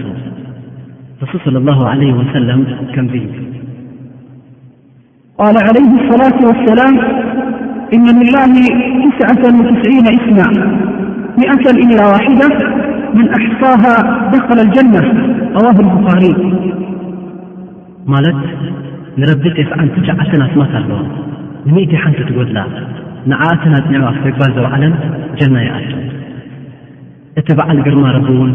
ነቶም ብእኡ ዝኣመኑ ባሮቱ ናብኡ ዝተጸግዑ ብሽማት ናይ ረቢ ዱዓ ንኽገብሩ ጸዊዕዎም። እሱ'ውን ከምዚ ይብል። ወሊላሂ ኣልኣስማኡ ልሑስና ፈድዑሁ ቢሃ ማለት ንረቢ ጸጋ ሽማት ኣለዎ ብኡ ዱዓ ግበሩ። ብዛዕባ ጸጋ ሽማትን ምዕል መግለጽታትን ምፍላጥ ዓብን ኣገዳስን እዩ ዘሎ ኣስዲን ሓደ ወዲ ሰብ ውን ከምቲ ግቡእ ንረቢ ክግዛእ ኣይክእልን እዩ ክሳብ ጸጋ ሽማቱን ምዕል መግለጽታቱን ዝፈልጥ ንረቢ ብጸጋ ሽማቱን ምዕል መግለጽታቱን ጌርካ ዱዓ ንክትገብር ናብ ረቢ ፍቱ ዝኾነ ዘቐርበካ እዩ ንኣላሁ ስብሓን ወተዓላ በቲ ሽማቱን መግለጽታቱን ዱዓ ንክተካይድ እዚ ዓይነት ይጥርነፍ ናይ ልመና ዱዓ ናይ መግዛእቲ ዱዓ ናይ ልመና ዱዓ ዝበሃል ነቲ ቀሪብካ ትልምኖ ረቢ እቲ ትልምኖ ምስ ናቱ ኣስማታት ዝተሳምዐ ክኸውን ከሎ እዩ ንምሳሌ ያ غፉር ኣቕፍርኒ ወይ ውን ያ ራሒም ኣርሓምኒ ከምኡ ውን ያ ሓፊዝ ኣሕፋظኒ ከምኡ ዝኣመሰለ ይኸውን ናይ መግዛእቲ ዱዓ ዝበሃል ድማ ንረቢ ግዛእ ብስማ ተጌርካ ቶባ ክትብል እንኮለኻ እዩ ምኽንያቱ ረቢ እዩ ምሕረት ዝህበካ መልሓስካ ውን ትዝክሮ ምኽንያቱ ንሱ እዩ ሰማዒ ንመሓውርካ ውን ትግዝኦ ይርእየካ ስለ ዝኾነ ምስጢርካ ውን ትፈርሆ ሕቃቕን ደቃቕን ስለ ትፈልጥ ከምኡውን ብዝተረፈ እዚ ስለ ዝኾነ እዩ ኣገዳስነት ተዋሂብዋ እዛ ኣርእስቲ። ስለዚ ዝኾነ ኣስላማይ እዚ ክቡር ኣሽማት ንኽፈልጦ ኣድላይ እዩ። ካብ ቁርኣን ከሪም ዝተወሰደ ኮይኑ ወይ ካብ ሱና ናይ ረሱል ሰለላሁ ዓለይሂ ወሰለም ዝተፈልጠ ትርጉሙ ይፈለጥ ማለት ናይዘን ኣሽማት ከምኡውን በዚ እምነት ከመይ ከም ዝኾነ በቶም ቀዳሞት ምፍላጥ በቲ ዝፈለጠ ንምስራሕ ቀንዲ ዓላምኡ ንክኸውን መንቀሳቐሲ እውን ህይወቱ መታን ኩነታቱ ትቐናእ ናይ ጻዕሪ ረብሓ ውን ትረክብ ፍለጥ ክቡር ሓወይ ረቢ ይርሓመልካ ሓድነት ኣስማትን መግለጽታቱን ማለት ረቢ ሓደ ኮይኑ ምሉእ ዘይወጾ ጉድለት ዘይት ዘይብሉ ብዝተፈላለያ ወገን ናይቲ ክቡር ዝኾነ መግለጽታቱን እዚ ድማ ረቢ ከምቲ ነሱ ዝገለጻ ክትገልጽ ከምቲ ረሱል ሰለላሁ ዓለይሂ ወሰለም ውን ዝገለጽዎ ንረቢ ክትገልጽ ኣስማትን መግለጽታትን ብዘይ ካልእ ትርጉም ከይሃብካ ካብቲ ቀንዲ ትርጉም ከይጠምዘዝካ ከምዚ ኢልካ ውን ምስሊ ከይሃብካ ከምኡ ንረቢ ዝመስል ብፍጹም የለን ሰማእን ራእይን ጽሂ ከምታ ቀኑ ዝገለጻ ካብኡ ክንነጽግ ካብኡ ኣይነጽግን ኢና እቲ ዝግብኣና ረቢ ዝነጸጎ ካብ ነፍሱ ክንነጽግ ኣለና ረሱል ስለ ላሁ ለ ወሰለም ዝነጸጉ ውን ክነጽግ ይግብኣና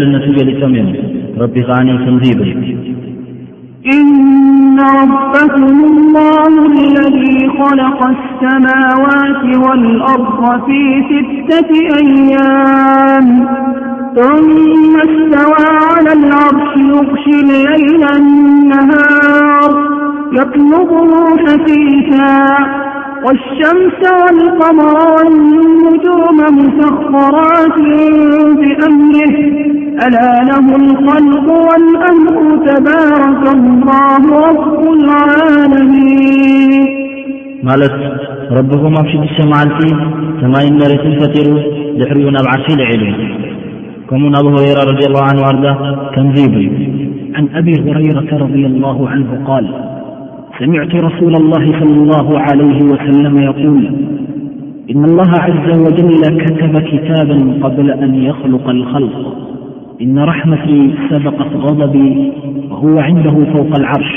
رواه البخاري الله عز وجل تحفو متحف قدمي فطر مختار نتال وهي وي رحمتي نقتعيقدماتا تي متحف ان مسئو قبلعلي زفانو اللهن أبكلحديثت فنزيب لب وعن معاوية بن الحكن رضي الله عنه قال كانت لي جارية ترع غما ترعى غنما لي قبل أحد والجواهية فاطلعت ذات يوم فإذا الرئد قد ذهب بشاش من غنمها وأنا رجل من بني آدم آسف كما يأسفون لكني سفكتها فكه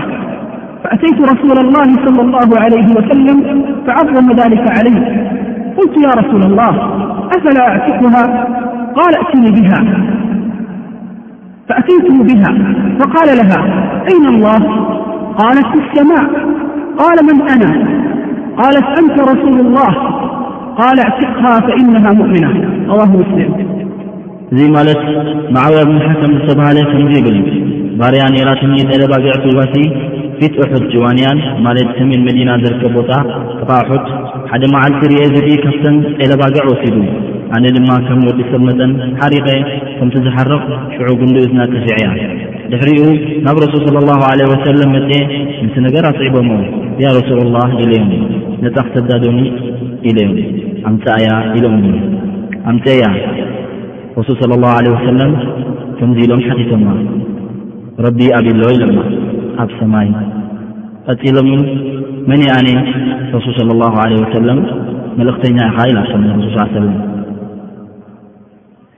ረሱል صለ ላه ለ ወሰለም ከዓ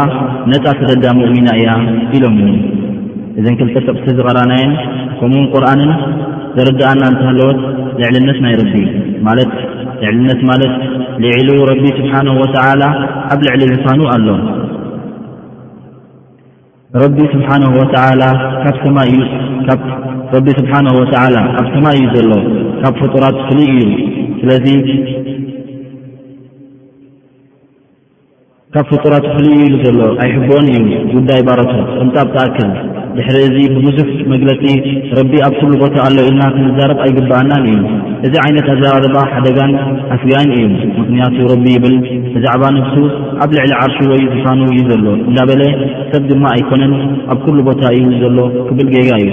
ስብሓን ላህ ንሕና ዶኒ ንፈልጥ ወይስ ረቢ ረቢ ከምኡ ኢሉ ዶ ኣዚዙ ወይስ ከመይ? ረቢ ከም ዘይበለ ንኣምን ኢና። ናይ ልዕልነት መግለጺ ክነረጋግጸሉ ኣለና። ከምታ ረቢ ንነብሱ ዘረጋግጸላ ከምኡውን ካብቲ ከምቲ ረሱል صለ ላሁ ለ ወሰለም ዘረጋገጹሉ ካልእ ትርጉም ከይሃብና ካብቲ ቐንዲ ትርጉም ውን ከይጠምዘዝና ከምዚ እዩ ኢልና ምሳሌ ከይሃብና ምኽንያቱ ኣብቲ ክቡር ክታብ ረቢ ከምዚ ይብል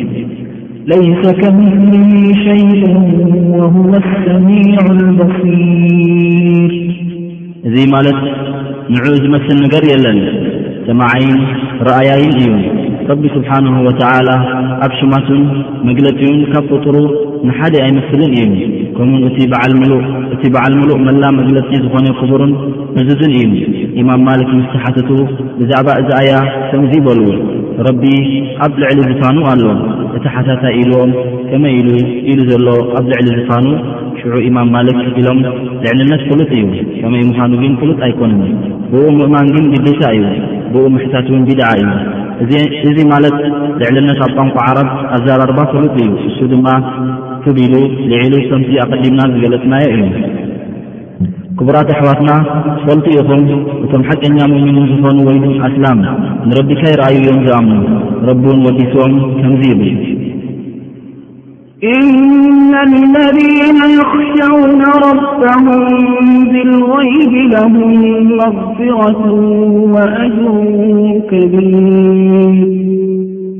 ማለት ረቦም ይፈርሕዎ ካይረኣዩ ንረቢ ንልምኖ ካብኣቶም ክገብረና ሰብ ጀና ክገብረና ምእንታን ክንሪኦ ስለዚ ፍትዋት ኣሕዋትና ረቢ ስለ ዘይረኣናዮ ከመይ እዩ ኢሉ ዘሎ ኢልና ክንሓትት ኣይግብኣናን እዩ ምክንያቱ ክንፈልጥ ኣይንኽእልን ኢና ስለ ዘይረኣናዮ እንተ ደኣ እንታይ ደኣ ኣብ ልዕሊ ሰማይ ከም ዘሎ ክንኣምን እዩ ዘለና ካልኣይ መግለጺ ረቢ ሰማዒ እዩ ረቢ ይብል ወካነ ላሁ ሰሚዓን በሲራ ረቢ ሰማዕን ረኣይን እዩ ሰማዒ ዝበሃል መስሚዕኡ ንኹሉ ነገር ዘስምዕ እዩ ኣብ ዓለም ዘሎ ድምፅታት ኣብ ላዕለዋይ ይኹን ታሕተዋይ ብምስጢር ይኹን ብጋህዲ ይሰምዖ እዩ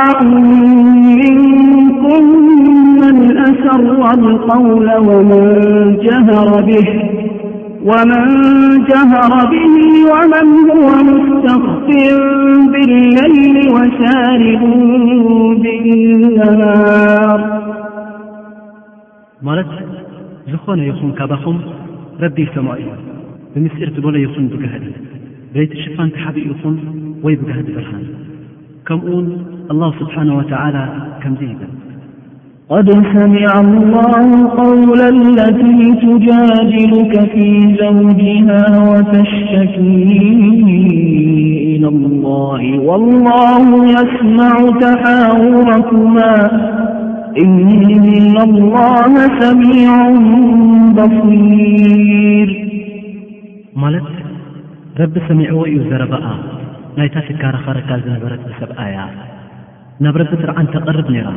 ربسمي عو تمياتكم ربسما إرآي إ عائشة -رضي الله عنها إلى قالت عائشة - رضي الله عنها تبارك الذي وسع سمعه الأصوات لقد جاءت المجادلة اشتكي إلى رسول الله صلى الله عليه وسلم وأنا إلى جانب الحجرة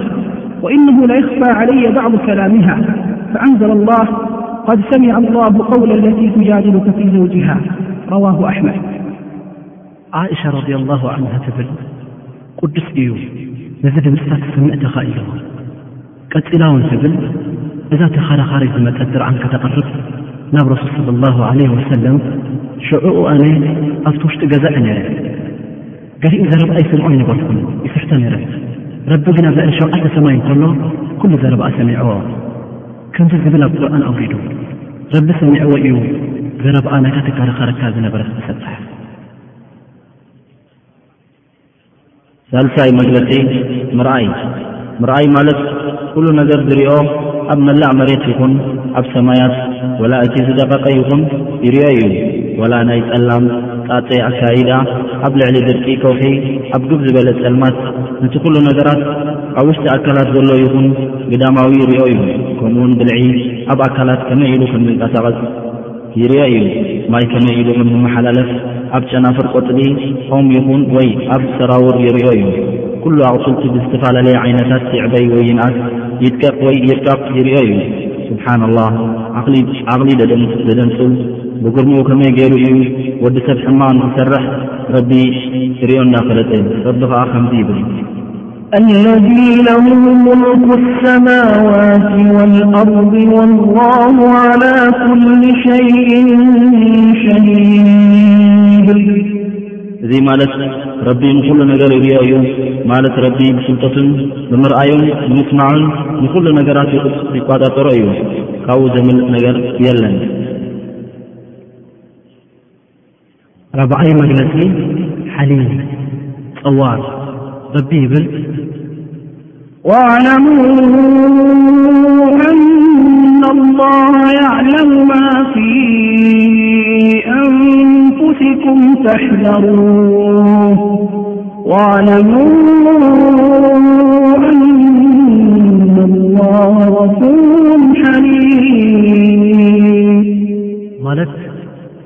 ፍለጡ ረቢ ኣብ ነፍሰኹም ዘሎ ይፈልጦ እዩ ተጠንቀቕዎ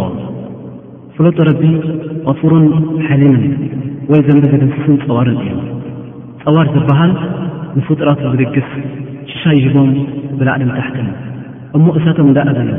ሕጉ እንዳ ጠዓሱ ነቶም ሕጉ ዝጠዓሱ እሳት ዕድል ይህቦም ክሳብ ቶባ ዝብሉ እዚ እዩ እቲ ምሉእ ጸዋር እንዳ ጠዓሱ እንዳ ኣዘዩ ክኢልዎም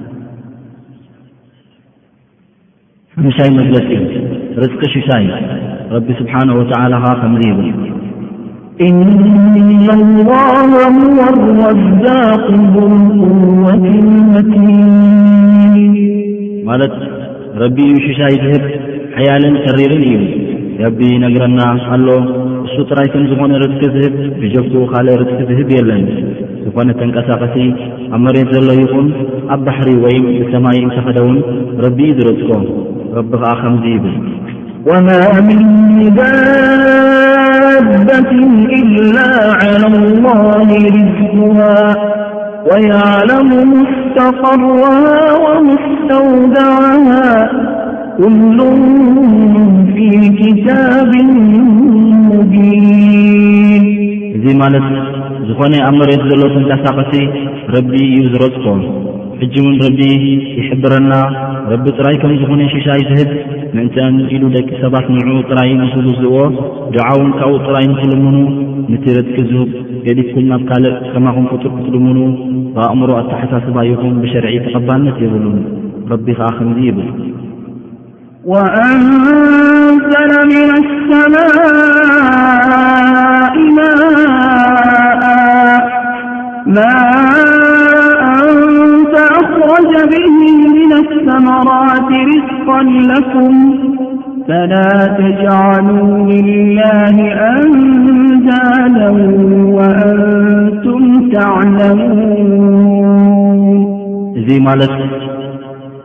ካብ ሰማይ ማይ ኣውሪድልኩም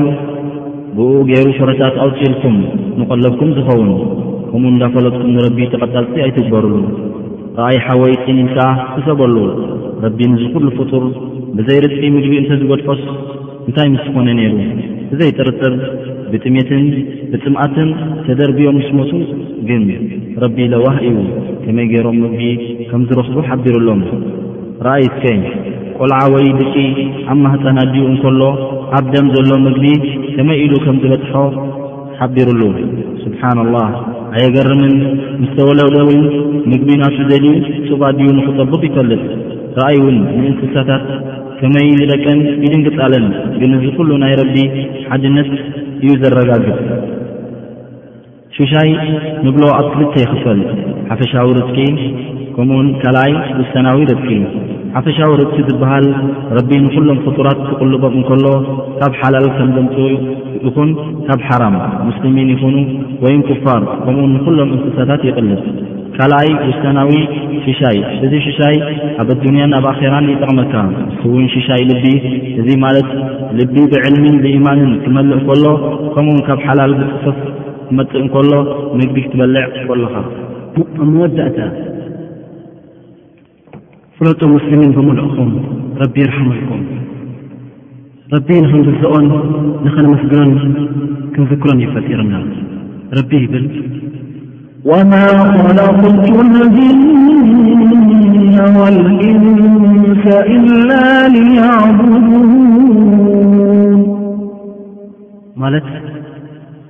ጅንን ሰብን ዝፈጠርኩ ንኽግዝኡኒ ጥራይ ኢለ እየ። እቲ ቐንዲ ዕላማ ናይ ወዲ ሰብ ምፍጣር ነቲ ክቡር ዝኾነ ጐይታ ኣብዛ ዓለ ክግዝእዎ እዩ። እዚ ነገር እውን ኣይከውንን እዩ ተውሒድ ኣጸቢቕካ ከይፍለጥካ። ተውሒድ ምፍላጥ በቲ ሰለስተ ክፍልታቱ ከምቲ ኣቐዲሙ ዝተገልጸ መታን ባርያ ረቢ ናብ ረቡ ክግዛእ እንከሎ ናብ ካልእ ገጹ ከይዝንብል ብዝኾነ ዓይነታት መግዛእቲ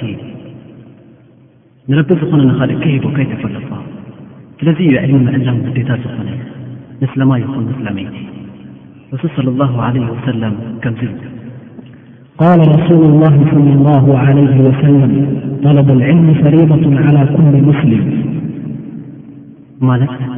ዕድመ ምዕላም ግዴታ እዩ ንዝኾነ እስላማይ። ኣብዚ መብሩክ ዝኾነ ሸሪጥ ወይ ካሴት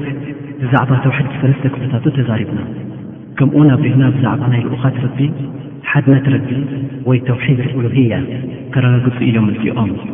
እሱ ንረበይት ብሓድነት ክምዝልኦ እዚ ድማ እቶም ባሮት ረቢ ኣብ ሽርክ ስለ ዝወደቑ ሸይጣን ኣዕሽዎም መሳሊሕም ፈተዎም ወድስዎም ኢሉ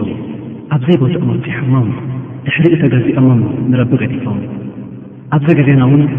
ሸይጣን እዚ ዓይነት መንገዲ ሒዙ ንደቂ ሰባት የዕሽዎም ይታሎም ኣሎ ከምቲ ንቐዳሞት ዘጥፍኦም ዘዕሸዎም እዚ ድማ ምሒር ንቶም ሳልሒን እዚ ማለት ዕብነት ኣኣብ ሰሪሖም ክግዝኦም ከይኮነስ ካልእ መንገዲ ሒዙ ይመጽእኡ እሱ ከኣ ንሰርሒን ካብ መጠን ንላዕሊ ምውዳስ ንቐብሮም ከይድካ ውን ምኽባር ቁባታት ምስራሕ ኣብ ትዕሊ ቀብሮም ውን መስጊድ ምስራሕ ኢልካ ዝመሰለ ሜላታት ንብዙሓት ደቂ ሰባት ኣብቲ ዝዓበየ ሽርኪ ኣውዲቕዎም እዩ ካብ እስልምና ዘውጽእ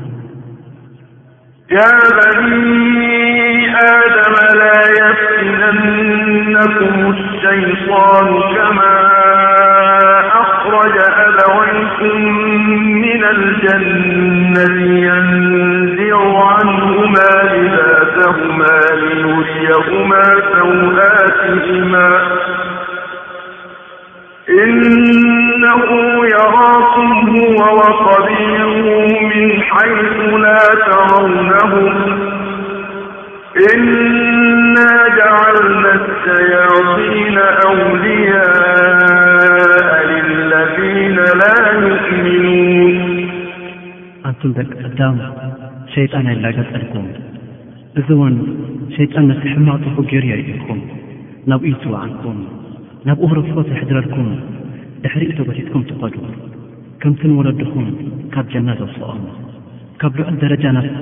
ታሕቲ ኣውሪድዎም ንከጥፍኣኩም ክጽዕር እዩ ተኮይኑሉ ስለዚ ክትጥንቅቅዎ ኣለኩም ክትዝንግዑ ውን የብልኩሙን በቲ ናቲ መታእታተዊኡ ናባኩም ስለዚ ዓቅመኛ ዝኮንካ ኣስላማይ ጀና ክኣቱ ዝፈቱ ካብ ሓዊ ጀሃነም ክርሕቅ ዝደሊ ብጣዕሚ ክጥንቅቅ ኣለዎ ንሳሊሒን ካብ መጠን ላዕሊ ከክብሮም የብሎምን። ክጠንቀቕ ውን ኣለዎ ካብ በብትጽበዮ ካብኣቶም ክጠልቦ የብሉን ከም ሸፋዓ ማለት ውሕስነት እዚ ውን ኣቐዲምና ገሊጽናዮ ልቡ ምስ ኣላህ ስብሓነሁ ወተዓላ ክጽጋዕ ኣለዎ ናብቲ ዝፈጠሮን ዝቕልቦን ዘሎ ናቱ ምስጢርን ጋህድን ዝፈልጦ ክፈልጥ ውን ይግበኦ ረቢ ዘንብ ብኻ ከም ዝድምስስ ለዋህ ከም ዝኾነ ፍቱው እዩ ጸዋር